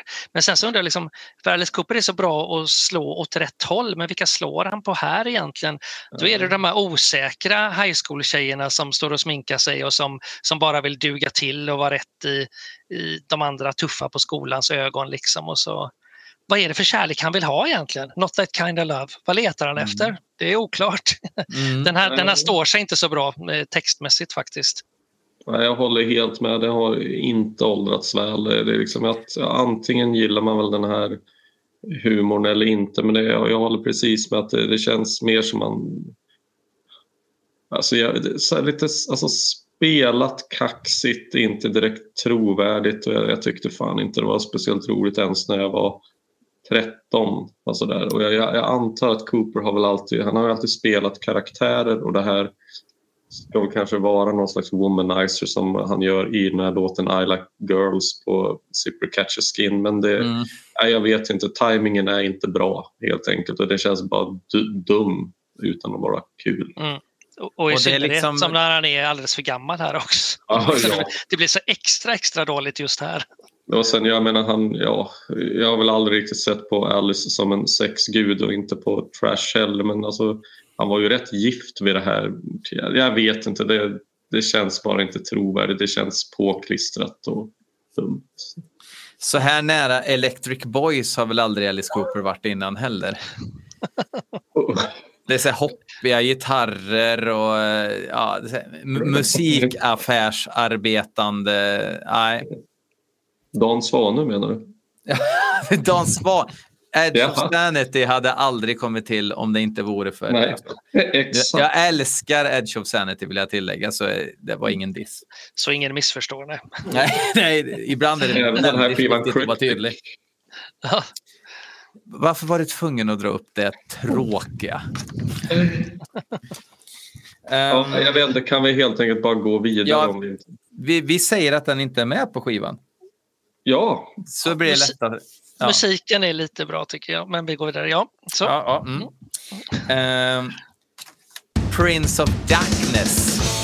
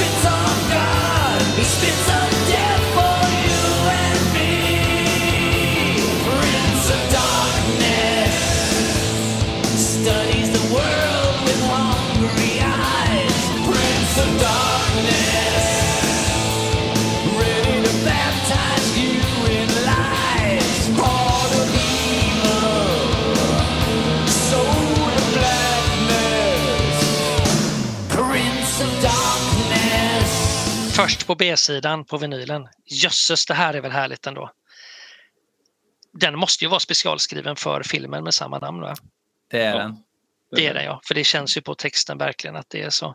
Eh, kul att han är med i filmen också tycker jag. Eh, Alice i Prince of Darkness-filmen. Jag hade ett litet snack med mina kids, jag visade den för dem för några år sedan och då hade jag faktiskt inte sett den här filmen sedan 80-talet när det begav sig. Och ni vet hur det är ibland när minnet spelar en ett spratt och då förklarar jag för dem innan att eh, Alice Cooper är med i en pytteliten roll, bara flipprar förbi någon sekund. Eh, så frågar de, är det någon Alice Cooper-låt med? Nej, tyvärr det är det inte. Det är jättekonstigt, mycket märkligt där. Men de köpte inte riktigt det, så det blev ett ska vi slå vad-läge och så slog vi vad. Ja, och sen tittade vi på filmen och Alice Cooper är med faktiskt lite grann. Alltså det är mm. långt mycket mer än bara någon sekund han swishar förbi. Och sen så spelas ju den här låten Prince of Darkness på någon form av ghetto blaster, alltså en bergsprängare. En musikanläggning som kan spränga ett helt kvarter spelas mm. den på när han är med i, i den scenen då. Så jag hade verkligen fel. Men filmen i fråga, har ni sett den? Ja. Ja, men det, det, alltså, nu snackar vi 20 eh, år sedan, liksom, eller ja. 25 år sedan. Den, yes, den, yes. Jag gillar ju yes. Carpenter. Det, han är ju härlig på alla sätt och vis. Men den är bra seg alltså. Och den leder inte riktigt fram till någonting. jag hade såna djävulska förväntningar på den. Eh, John Carpenter är en av mina favorit filmskapare. Men Big Trouble in Little China är världens bästa film. Fy fan vad härligt. Jag älskar den. Ja, vi gjorde en låt med mordbrand på vår första split innan vi kom på att vi skulle dyrka döden. Så, så körde vi lite. Den hette Big Trouble in Little Chinese Graveyard. hette låten. Som en hyllning till Carpenter. Mm. Jag har så jävla länge velat göra en egen uppföljare till Big Trouble in Little China som ska utspela sig på Dragon Gate utanför Gävle. Ja men gud vad bra, fy fan. Den måste, måste ju användas. Den måste... Big Trouble in Little Gävle. Kan man kombinera det med den här eh, vice versa Big-historien om Razor Fisten Gäll eh, akademisk? Ja, exakt. vi får det. till det. Nej men så här, det, jag vill bara säga en liten anekdot. Det är så kul att du säger det om, om filmen. Att jag, jag hade väntat så jävla länge på att få se den här och det hade med den här gamla SVT-frågesporten. Fan vad det hette, är det kvitt eller dubbelt? Mm. man skulle, Just det. Precis. Då var, då var det ju en, en kille som svarade på frågor om Alice Cooper. Jag tror faktiskt det var Anders Tengner som hade skrivit frågorna till det här också. Jag minnas att han skrivit i sin... Han var väl den enda de hade att Ja, ja vem fan Men då var just en av frågorna i vilken film är Alice Cooper med och dödar någon med en cykelram? Ja, Prince of Darkness och fy fan, det, alltså det här måste ju vara det råaste. Men nej, jag, jag håller med. Alltså, jag, jag, ser om Prince of Darkness av och till med ojämna mellanrum och varenda gång så tänker jag att den här gången kommer jag fatta grejen, men det gör ja. jag inte. Nej, ja, den går ju inte i mål handlingsmässigt eller sådär men samtidigt är det en skön stämning och lite god Carpenter-musik i. Och, ja. Jag vet inte. Men ja, men alltså, stämningen är bra, det, men det är som du säger, den når den Eh, till och med nu när vi pratar om den och jag vet att jag har sett den åtminstone fyra, fem gånger så kommer jag fan inte ens ihåg hur den slutar riktigt. Nej, det är nog bara för att den inte har någon handling på slutet. Det bara mynnar ut i ett intet på något sätt. Mm. Ja, jättemärkligt. Men för att återvända till låten i fråga. Filmen är ju, eller vet du, låten är ju fantastiskt bra. Väl, det tycker vi va? Det är en jävligt bra låt men, så här, men att Alice är kristen har jag aldrig brytt mig om, inga problem där. Men jag tycker att han är en så pass bra ordkonstnär att han hade kunnat beklaga djävulens verk på jorden lite snyggare än vad han formulerar här. Mm, mm. Och för mig gör det mycket. Den, den har så mycket potential tycker jag. För låten i sig är jävligt bra mm. men det blir lite för skriva på näsan och det tar liksom udden av det rebelliska mörka på skivan. På Men om man bara ska se till det poetiska så här, Prince of Darkness, ready to baptize you in lies. Är inte det lite vackert ändå? Ja, Shining tyckte ja. ju uppenbarligen det eftersom de gjorde en cover på den här låten. Den är inte speciellt lyckad, det kan jag säga. jag har inte hört den, den måste jag fan lyssna nej. på. Eh, nej, men jag tycker också att det, det, här, det här är ju...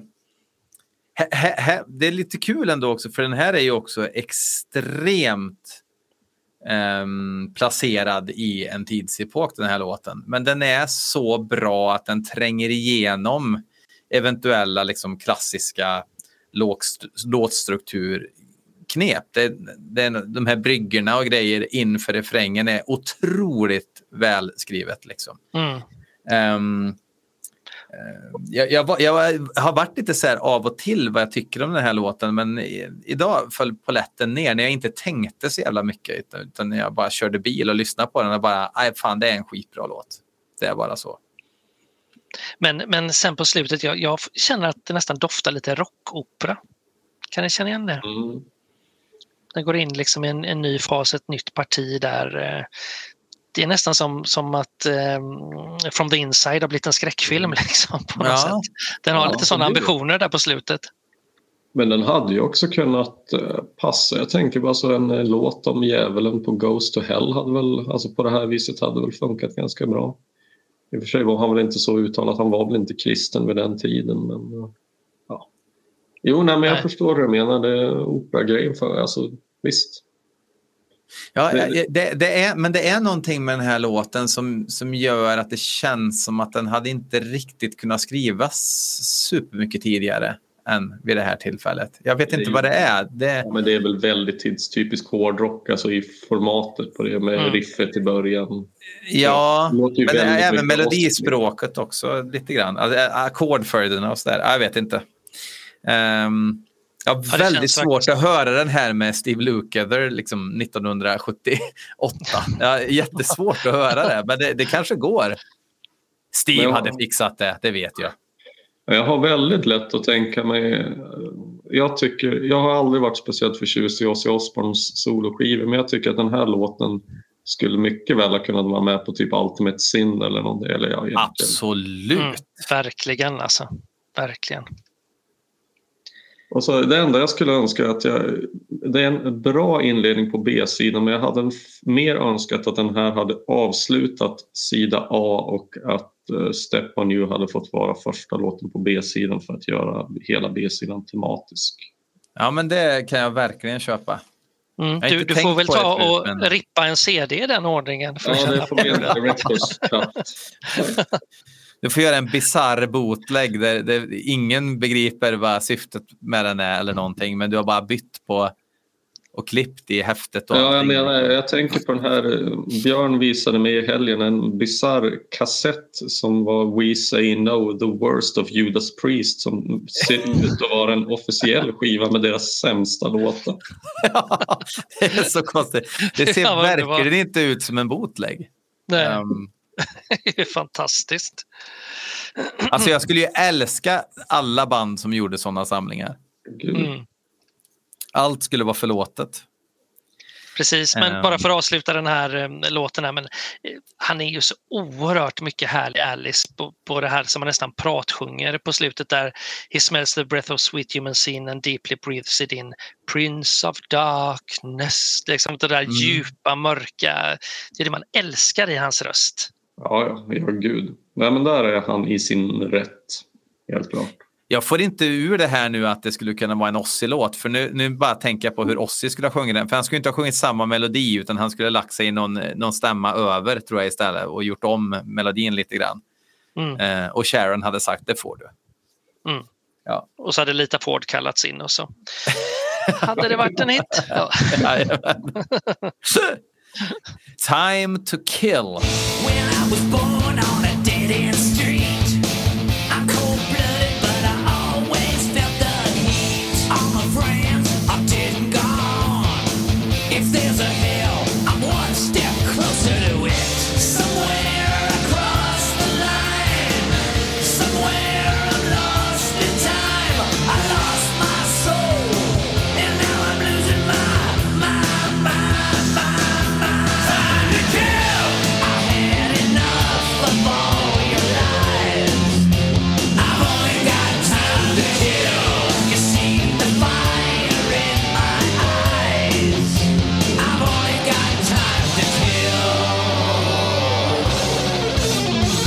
Eller som den också kallas, superbra. fortsättningen på Prince of Darkness som man skulle kunna kalla den. För att det är ju vissa ställen i den här låten skulle man kunna sjunga Prince of Darkness även i den här. Den är ju väldigt, Time to kill!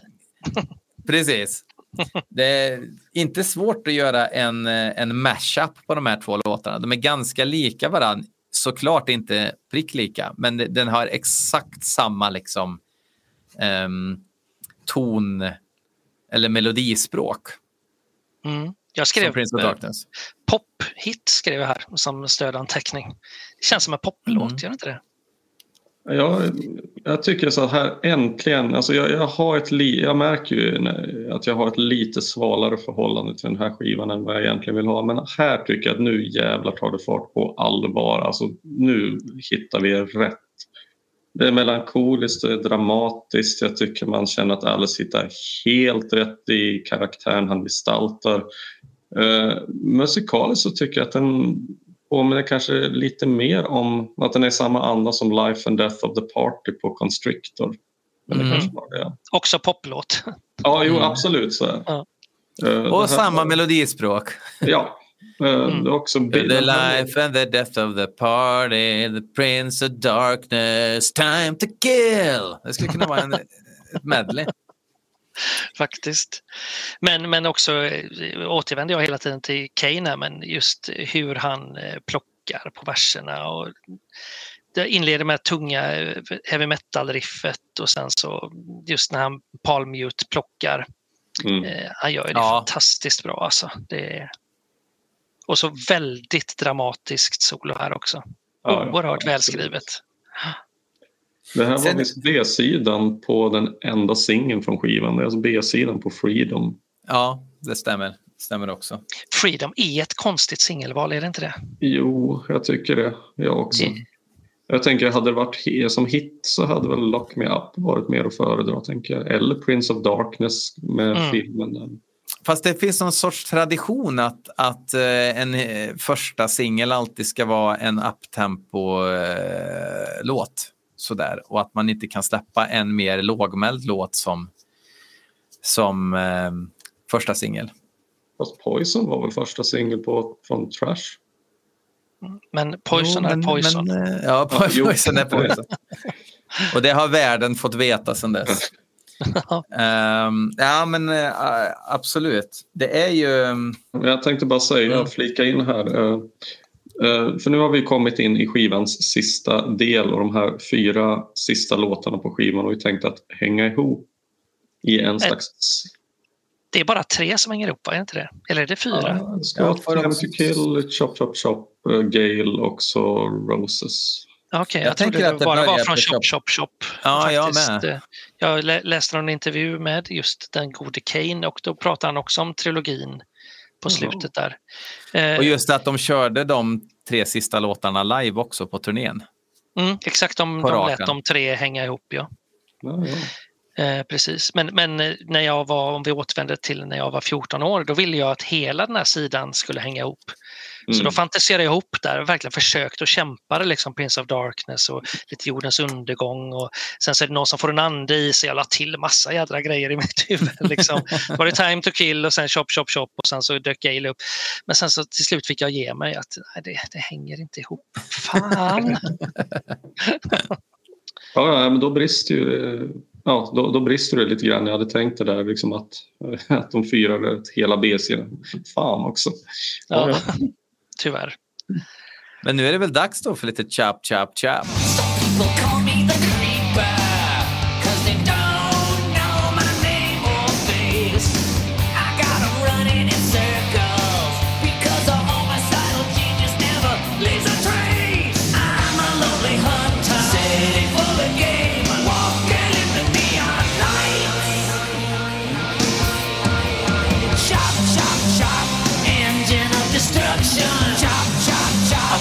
Killing machine. Chop, chop, chop, it's a symbiotic function. Chop, chop, chop, I keep the city so clean. Chop, chop, Men då kan jag börja i med den då och säga att de, de sista låtarna var tydligen tänkt att hänga ihop i en scenshow som skulle heta Scarebox men som skrinlades eh, enligt vissa uppgifter på grund av likheter med filmen Hellraiser. Och idén skulle då ha kretsat kring någon som har tittat så mycket på splatter och skräck att vederbörande till sist inte vet skillnad på fantasi och verklighet. Lite som Evil Ed när jag tänker på det. Eh, men som eh, till sist tror sig vara en mördare och är, kanske är det eller kanske inte och som vill bara mörda tjejer som heter Gail. När, man säger det här out loud låter ju det här Mm. ganska krystat ärligt talat. Men, Mm. Men det är väl också eh, Eh, det här fantasifostret som fortfarande finns idag. Att om man lyssnar på gangsterrap så blir man gangster automatiskt. Att man eh, tycker att det är så bra att man inte kan skilja på vad som är rimligt och orimligt. Och samma sak med PMRC var väl också själva teorin att lyssnar du på Kill Yourself så kommer du ta ditt liv för att låten är så, det är så bra riff i den så jag kommer ta mitt liv sen när jag hör någon sjunga det på det riffet. jag blir mer Ehm. självmordsbenägen av dåliga riff men det kanske bara är Ja, precis. Men det är sen lite- är det ju också att han, han, eh, han kommer ju i framtiden gå emot sin egen teori där lite grann. Eller, ja, vi ska inte gå händelserna i förväg, men det händer intressanta grejer på 90-talet i alla fall. Som, eh, Ja. ja, Men, mm. men, men just det här som vi är inne på nu med, med hela den här PMRC-grejen och, och stereotypa bilder utav folk och sådär. Jag hörde senast idag på en ny P1-dokumentär och det handlade om en snubbe som har groomat småtjejer på, på Snapchat.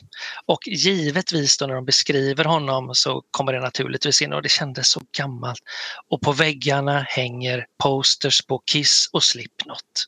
Och så kommer det någon Slipknot där så bara, ja men då, men då förstår man att det var något Ja. fishy med det hela. Herregud, såg de inte det innan? Han lyssnade ju på Slipknot.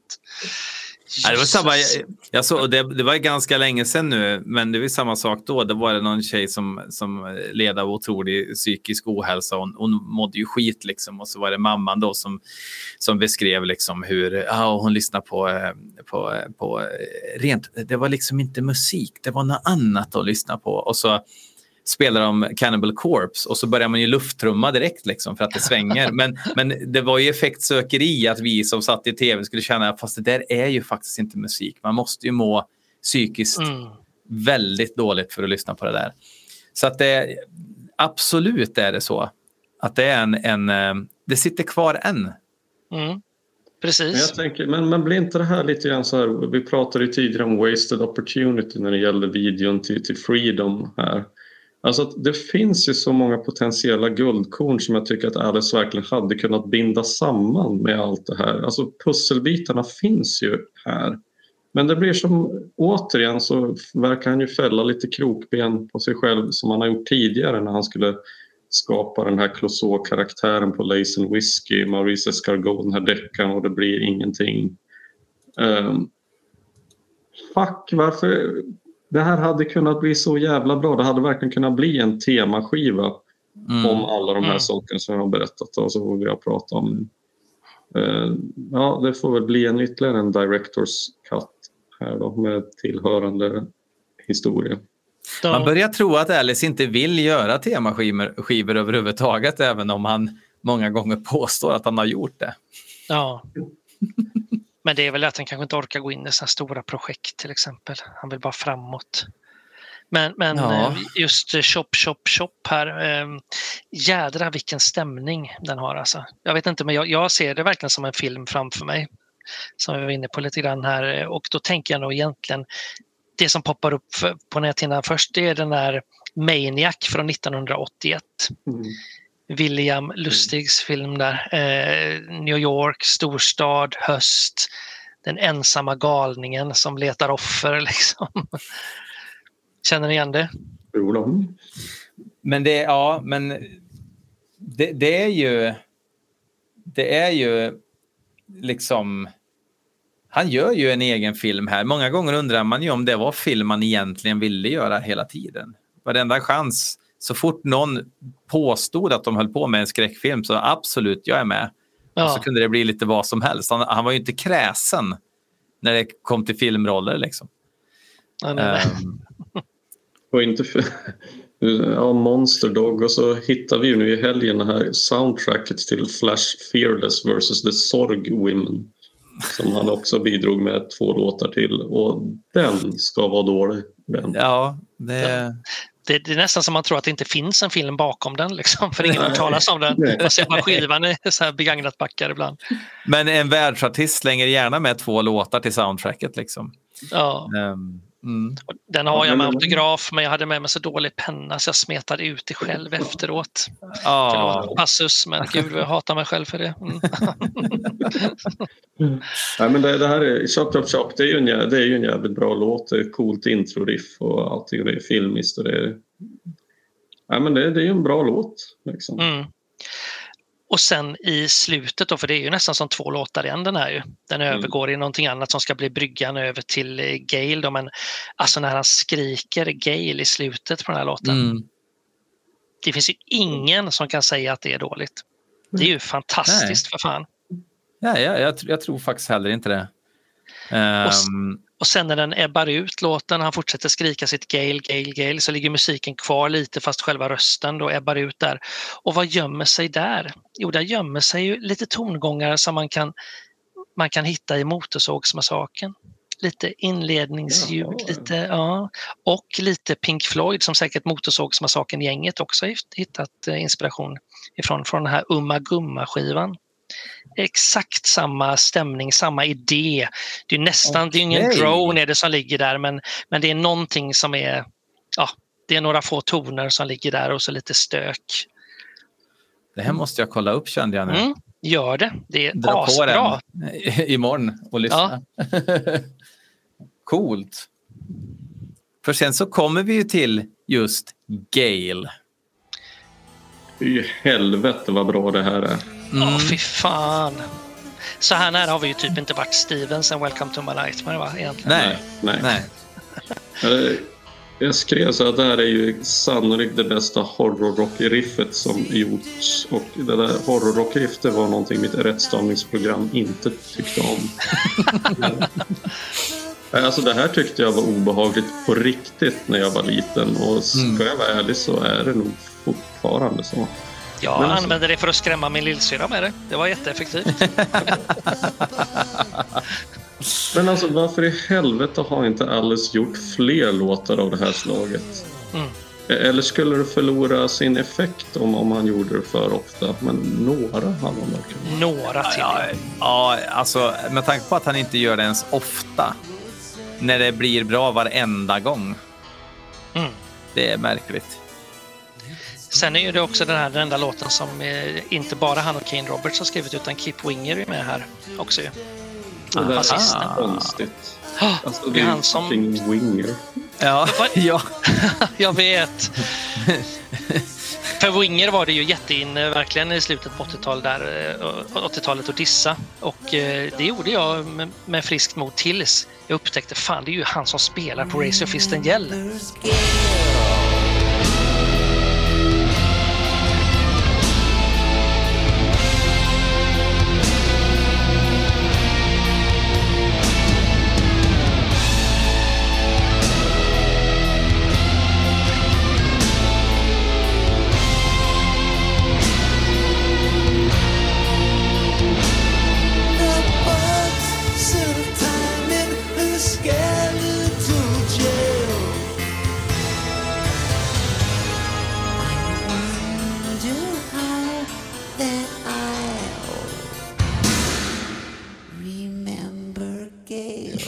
Då börjar jag försvara Kip istället.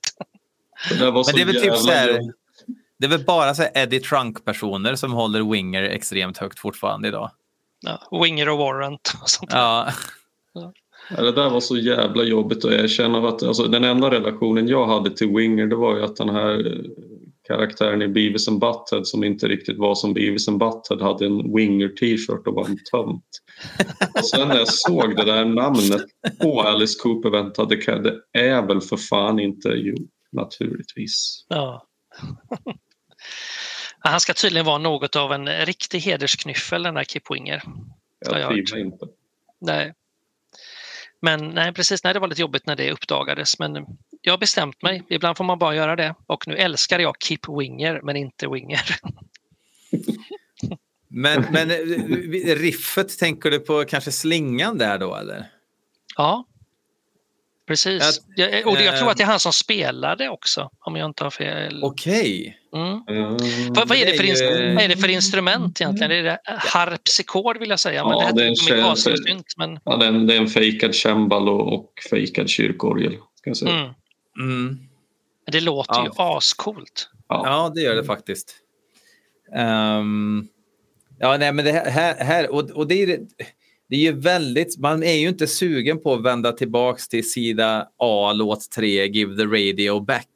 Istället för att lyssna klart på det här. Schackande på Give the Radio. Ja, ja nu, nu får du passa dig Det Alltså. ja, men det är ju sån nivåskillnad på samma skiva liksom. Ja, Jag fattar Precis. inte, jag, alltså, jag fattar inte liksom när, när han är den här Alice Cooper-karaktären. Han ser ut som han gör. Alltså han, han skulle kunna ha gjort det här, den här skivan så mycket bättre. Om han hade hållit sig till det här mörka liksom. men han kanske inte hade mer mörker i sig, Björn, vid den här tiden. Mm. Nej, nej det var, var väl det. Då får man skapa mörker. Då får han väl börja knarka igen eller någonting för att göra en Börja riktigt sup tiopoängare. igen, Uffe. Ja, exakt. Exakt. Det är jävla go golf. Jag har alltid varit kritisk mot golf och nu vet jag varför. Så du hade men- suttit där med crackpipan och ta dig en jävla Alice. En hit gör ingenting. Precis. Den är jättegod. Ja, men vi får starta en sån PMRC mot golf. Golf skördar liv och så vidare. Ja. I förlängningen kanske. Som sagt. Ja, nej, det här är då- riktigt bra. Och sen över Sen- till det. Ja. Du kan få säga titeln. Mattias. Tack. Roses on white lace. När han körde den här live i somras så höll jag fan på att svimma. Ja. Det är det som är så jävla roligt med honom, att han plockar upp den här typen av låtar. ja. Det är ju knäppt, det borde han faktiskt inte göra. Men han gör det. Nej, för, för han får, ändå får han ju mycket kritik över att han inte gör sånt. Men han, det det kommer ju liksom som, som en, eh, liksom en högerjabb liksom, som man inte är beredd på överhuvudtaget. Mm. Och det är ju inte jättesvårt att höra King Diamond sjunga den här låten från perm till perm. Fan vad rolig du är. Jag har skrivit det här också. King Har du gjort det? Ja, det har jag gjort. Det är ju en King Diamond-låt. Liksom. Ja, precis. Storytelling, dramatik. Fan om det inte doftar lite King Diamond om detta har jag skrivit. Roses of white lace. Men alltså, Inga problem. nej. Men alltså snacka om att avsluta en skiva på hög ton. Alltså det här är nog en av, kanske är min absoluta favoritlåt med Alice när jag tänker efter. Låt mig Okej. citera mig själv. Kan vara en av Alice Coopers bästa låtar någonsin? Frågetecken. Mm, helt sant. Jag citerar mig själv. Den är skitbra, verkligen. Ja, men det, alltså det är text och musik och det är framförande. Och, alltså, återigen, jag, jag var rädd för Gail när jag var liten men jag undrar om jag fan inte var mer skrämd. av den här, I took your evil skin away and it's all cut and dry. Mm. Alltså det är poesi det. Mm. Och, och det här råa då, det är fan asrått. They're never going to find your face, it's hidden away. Ansiktet är väck liksom.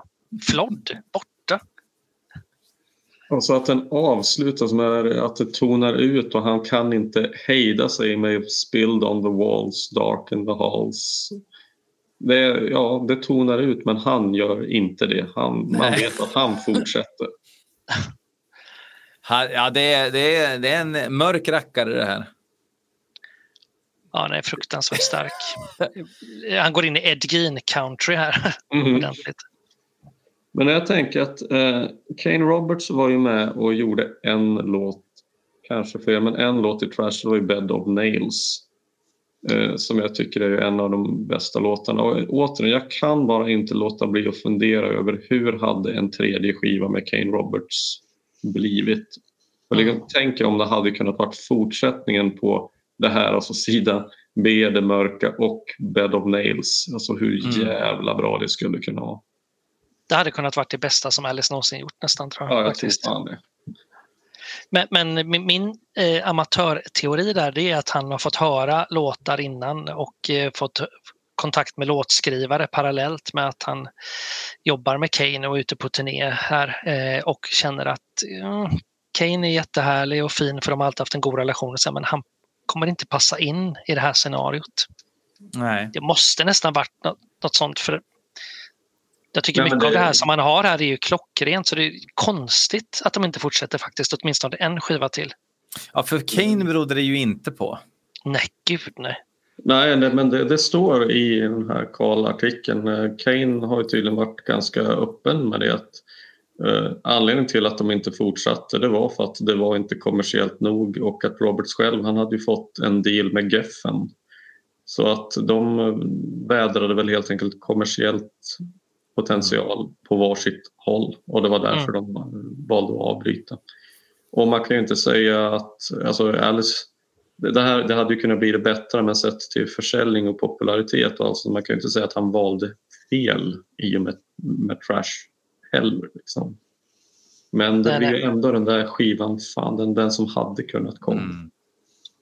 Ja, det, det, den skivan kanske hade kunnat levt längre som skiva. För skivan Trash lever ju inte samma liv som singeln Poison gör. Liksom. Nej, men jag, ja, nej, inga händelser i förväg. Nej, inga...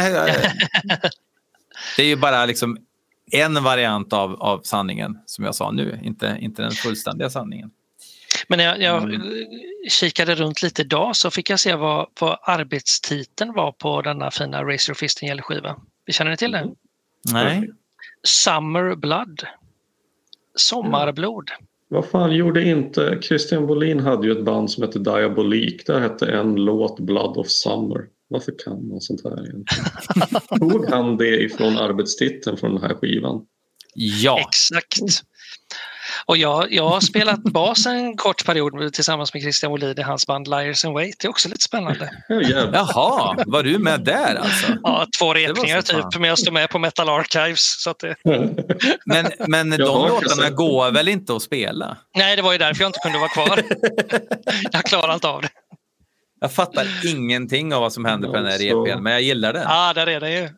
Ja, jag, ja, jag repade på en av de låtarna där. Jag vet inte vad den heter, men jag känner igen den när jag hör den. Och hade det inte varit för Race, då är cirkeln sluten för dig. Du börjar spela bas i Liars in Wait på grund av Razor Fist Angel kan man säga då. Eftersom, Exakt så. Ja. Mm. Ingenting händer av en slump. Nej. Eller, nej. eller Så- 100 procent det. Ehm, ja, jag tror det, det är dags för favoritsegmentet i Coopers klass. Det är dags att eh, sätta slutbetyg inför lovet. Två veckors lovet. Den börjar. Ja, inte jag helst. Mattias, du får fan ta det. Jag börjar, yes, gärna. Eh, jag har ju otroligt eh, starka känslor för den här skivan som jag redan har deklamerat. Och man bara kokar ner det lite. att jag tycker det är så häftigt att Alice verkligen menar exakt allt han sjunger här. Det känns verkligen så. Och när han ska vara förbannad så låter han verkligen förbannad. Också tycker han får till det teatrala bättre än på föregångaren Constrictor som jag nu jämför mest med då eftersom de är någon form av syskonskivor. Sen tycker jag också det att om man jämför med den att texterna är fyndigare och mer välformulerade och att han vågar ta ut svängarna mer. Eh, och sen så är det en del hitlåtar som även vågar ta ut svängarna, göra lite oväntat och sånt där. Eh, och sen så har vi ju Kane. Jädrar vilken riffmakare. Och hur han komponerar sina solon. Jag tycker det är faktiskt en fröjd att lyssna på den här skivan bara för att lyssna på hans tricks. Han är vansinnigt underskattad. Eh, och- och, texttematiken och de här tre låtarna på slutet. Jag, jag landar ju på, på en eh, ja, fyra och en halva i varje fall. Fyra, fyra och en halv. Ja, det får bli. Får man säga halv? Det får man väl? Ja, ha- halv har vi godkänt nu efter. Ja, men då, då, är det, då är det fyra och en halv för mig. det var men... faktiskt Skolverket som fick gå in och bestämma det åt oss. Vi fick... Nej, men vad härligt. Men, Mm. men, men som sagt, hade jag hört den för första gången idag så hade säkert betyget blivit såklart ett annat. Men så är det. Skadan är ju redan skedd. Så jag måste säga fyra och en halv, för det är så jag känner. Då ska du säga det. Uh, ja, ja, ja. Åh, gud. Alltså, det, det, det är så svårt. Men jag menar, för mig, jag har varit ganska tydlig med att jag har en del issues rakt igenom, inte rakt igenom skivan, men i, med större delen av skivan. Men jag hamnar på tre och en halv. Och det är ju liksom slutet, de sista tre låtarna. Eh, men inte bara, det finns ju riktiga liksom, guldklimpar på den här skivan också. Men det gör ju att det höjer den här skivan till att den är ju betydligt bättre än Constrictor. Yes! Underbart! Mm. För, jag hoppades att, att du skulle säga det. ja, nej, men Constrictor tror jag faktiskt jag gav två och en halv eller något sånt där. Och då, då, då, Jävligt ogeneröst. Va? Ja, men... Det kan jag också fan, tycka, men, men... Jag är hård men rättvis. Ja, precis. och, och, då, och tre känns ju extremt futtigt i jämförelse, för den här är bättre än, än 0,5 högre betyg än Constrictor. Det här är 3,5. Ja, det är ju mycket som jag håller med om här. Alltså, jag brukar ju hela tiden säga att fan det är så jävla svårt och, och här är det fan med på riktigt. Okej, okay, B-sidan tycker jag är otroligt mycket bättre än eh, sida A. Och, Förutom Give the Radio Back ja, som du ville ge en liten... 11 av 10. alltså, topparna är ju högre än Pamirbergen men det finns ju en hel del Skåne, Skånelandskap annars på skivan. Uh, så att de, tre avslutande spåren, eller fyra vill jag säga, tycker jag är monumentala. Uh, absolut. Och sen har jag ju någon förbläss ändå för Freedom och Lock Me Up och sådär. Men jag tillhör ju också en av dem som inte alls tycker att Constrictor är så dålig som andra vill få det till men där fattar jag ju att det har så jävla mycket med, med nostalgi att göra eller att jag lyssnade in mig på den på ett annat sätt på ett tidigare stadium jag var 12 när jag lyssnade in mig på Constrictor och den här skivan konkurrerade ju med en massa andra. Alltså för mig konkurrerade den här med Painkiller och Highway to Hell och At War with Satan. Alltså, Åh jävlar. Ja, det är fan en, en tuff trio att möta alltså. Ja, och alla Maiden-skivor som fanns. Då, då hade de inte släppt X-Factor så att ja. Nej, alltså fan vad, vad säger man? Det... Sex av tio får det bli. Och hade det bara varit de bra skivlåtarna så hade det varit 10 av 10. Men nu är det inte det.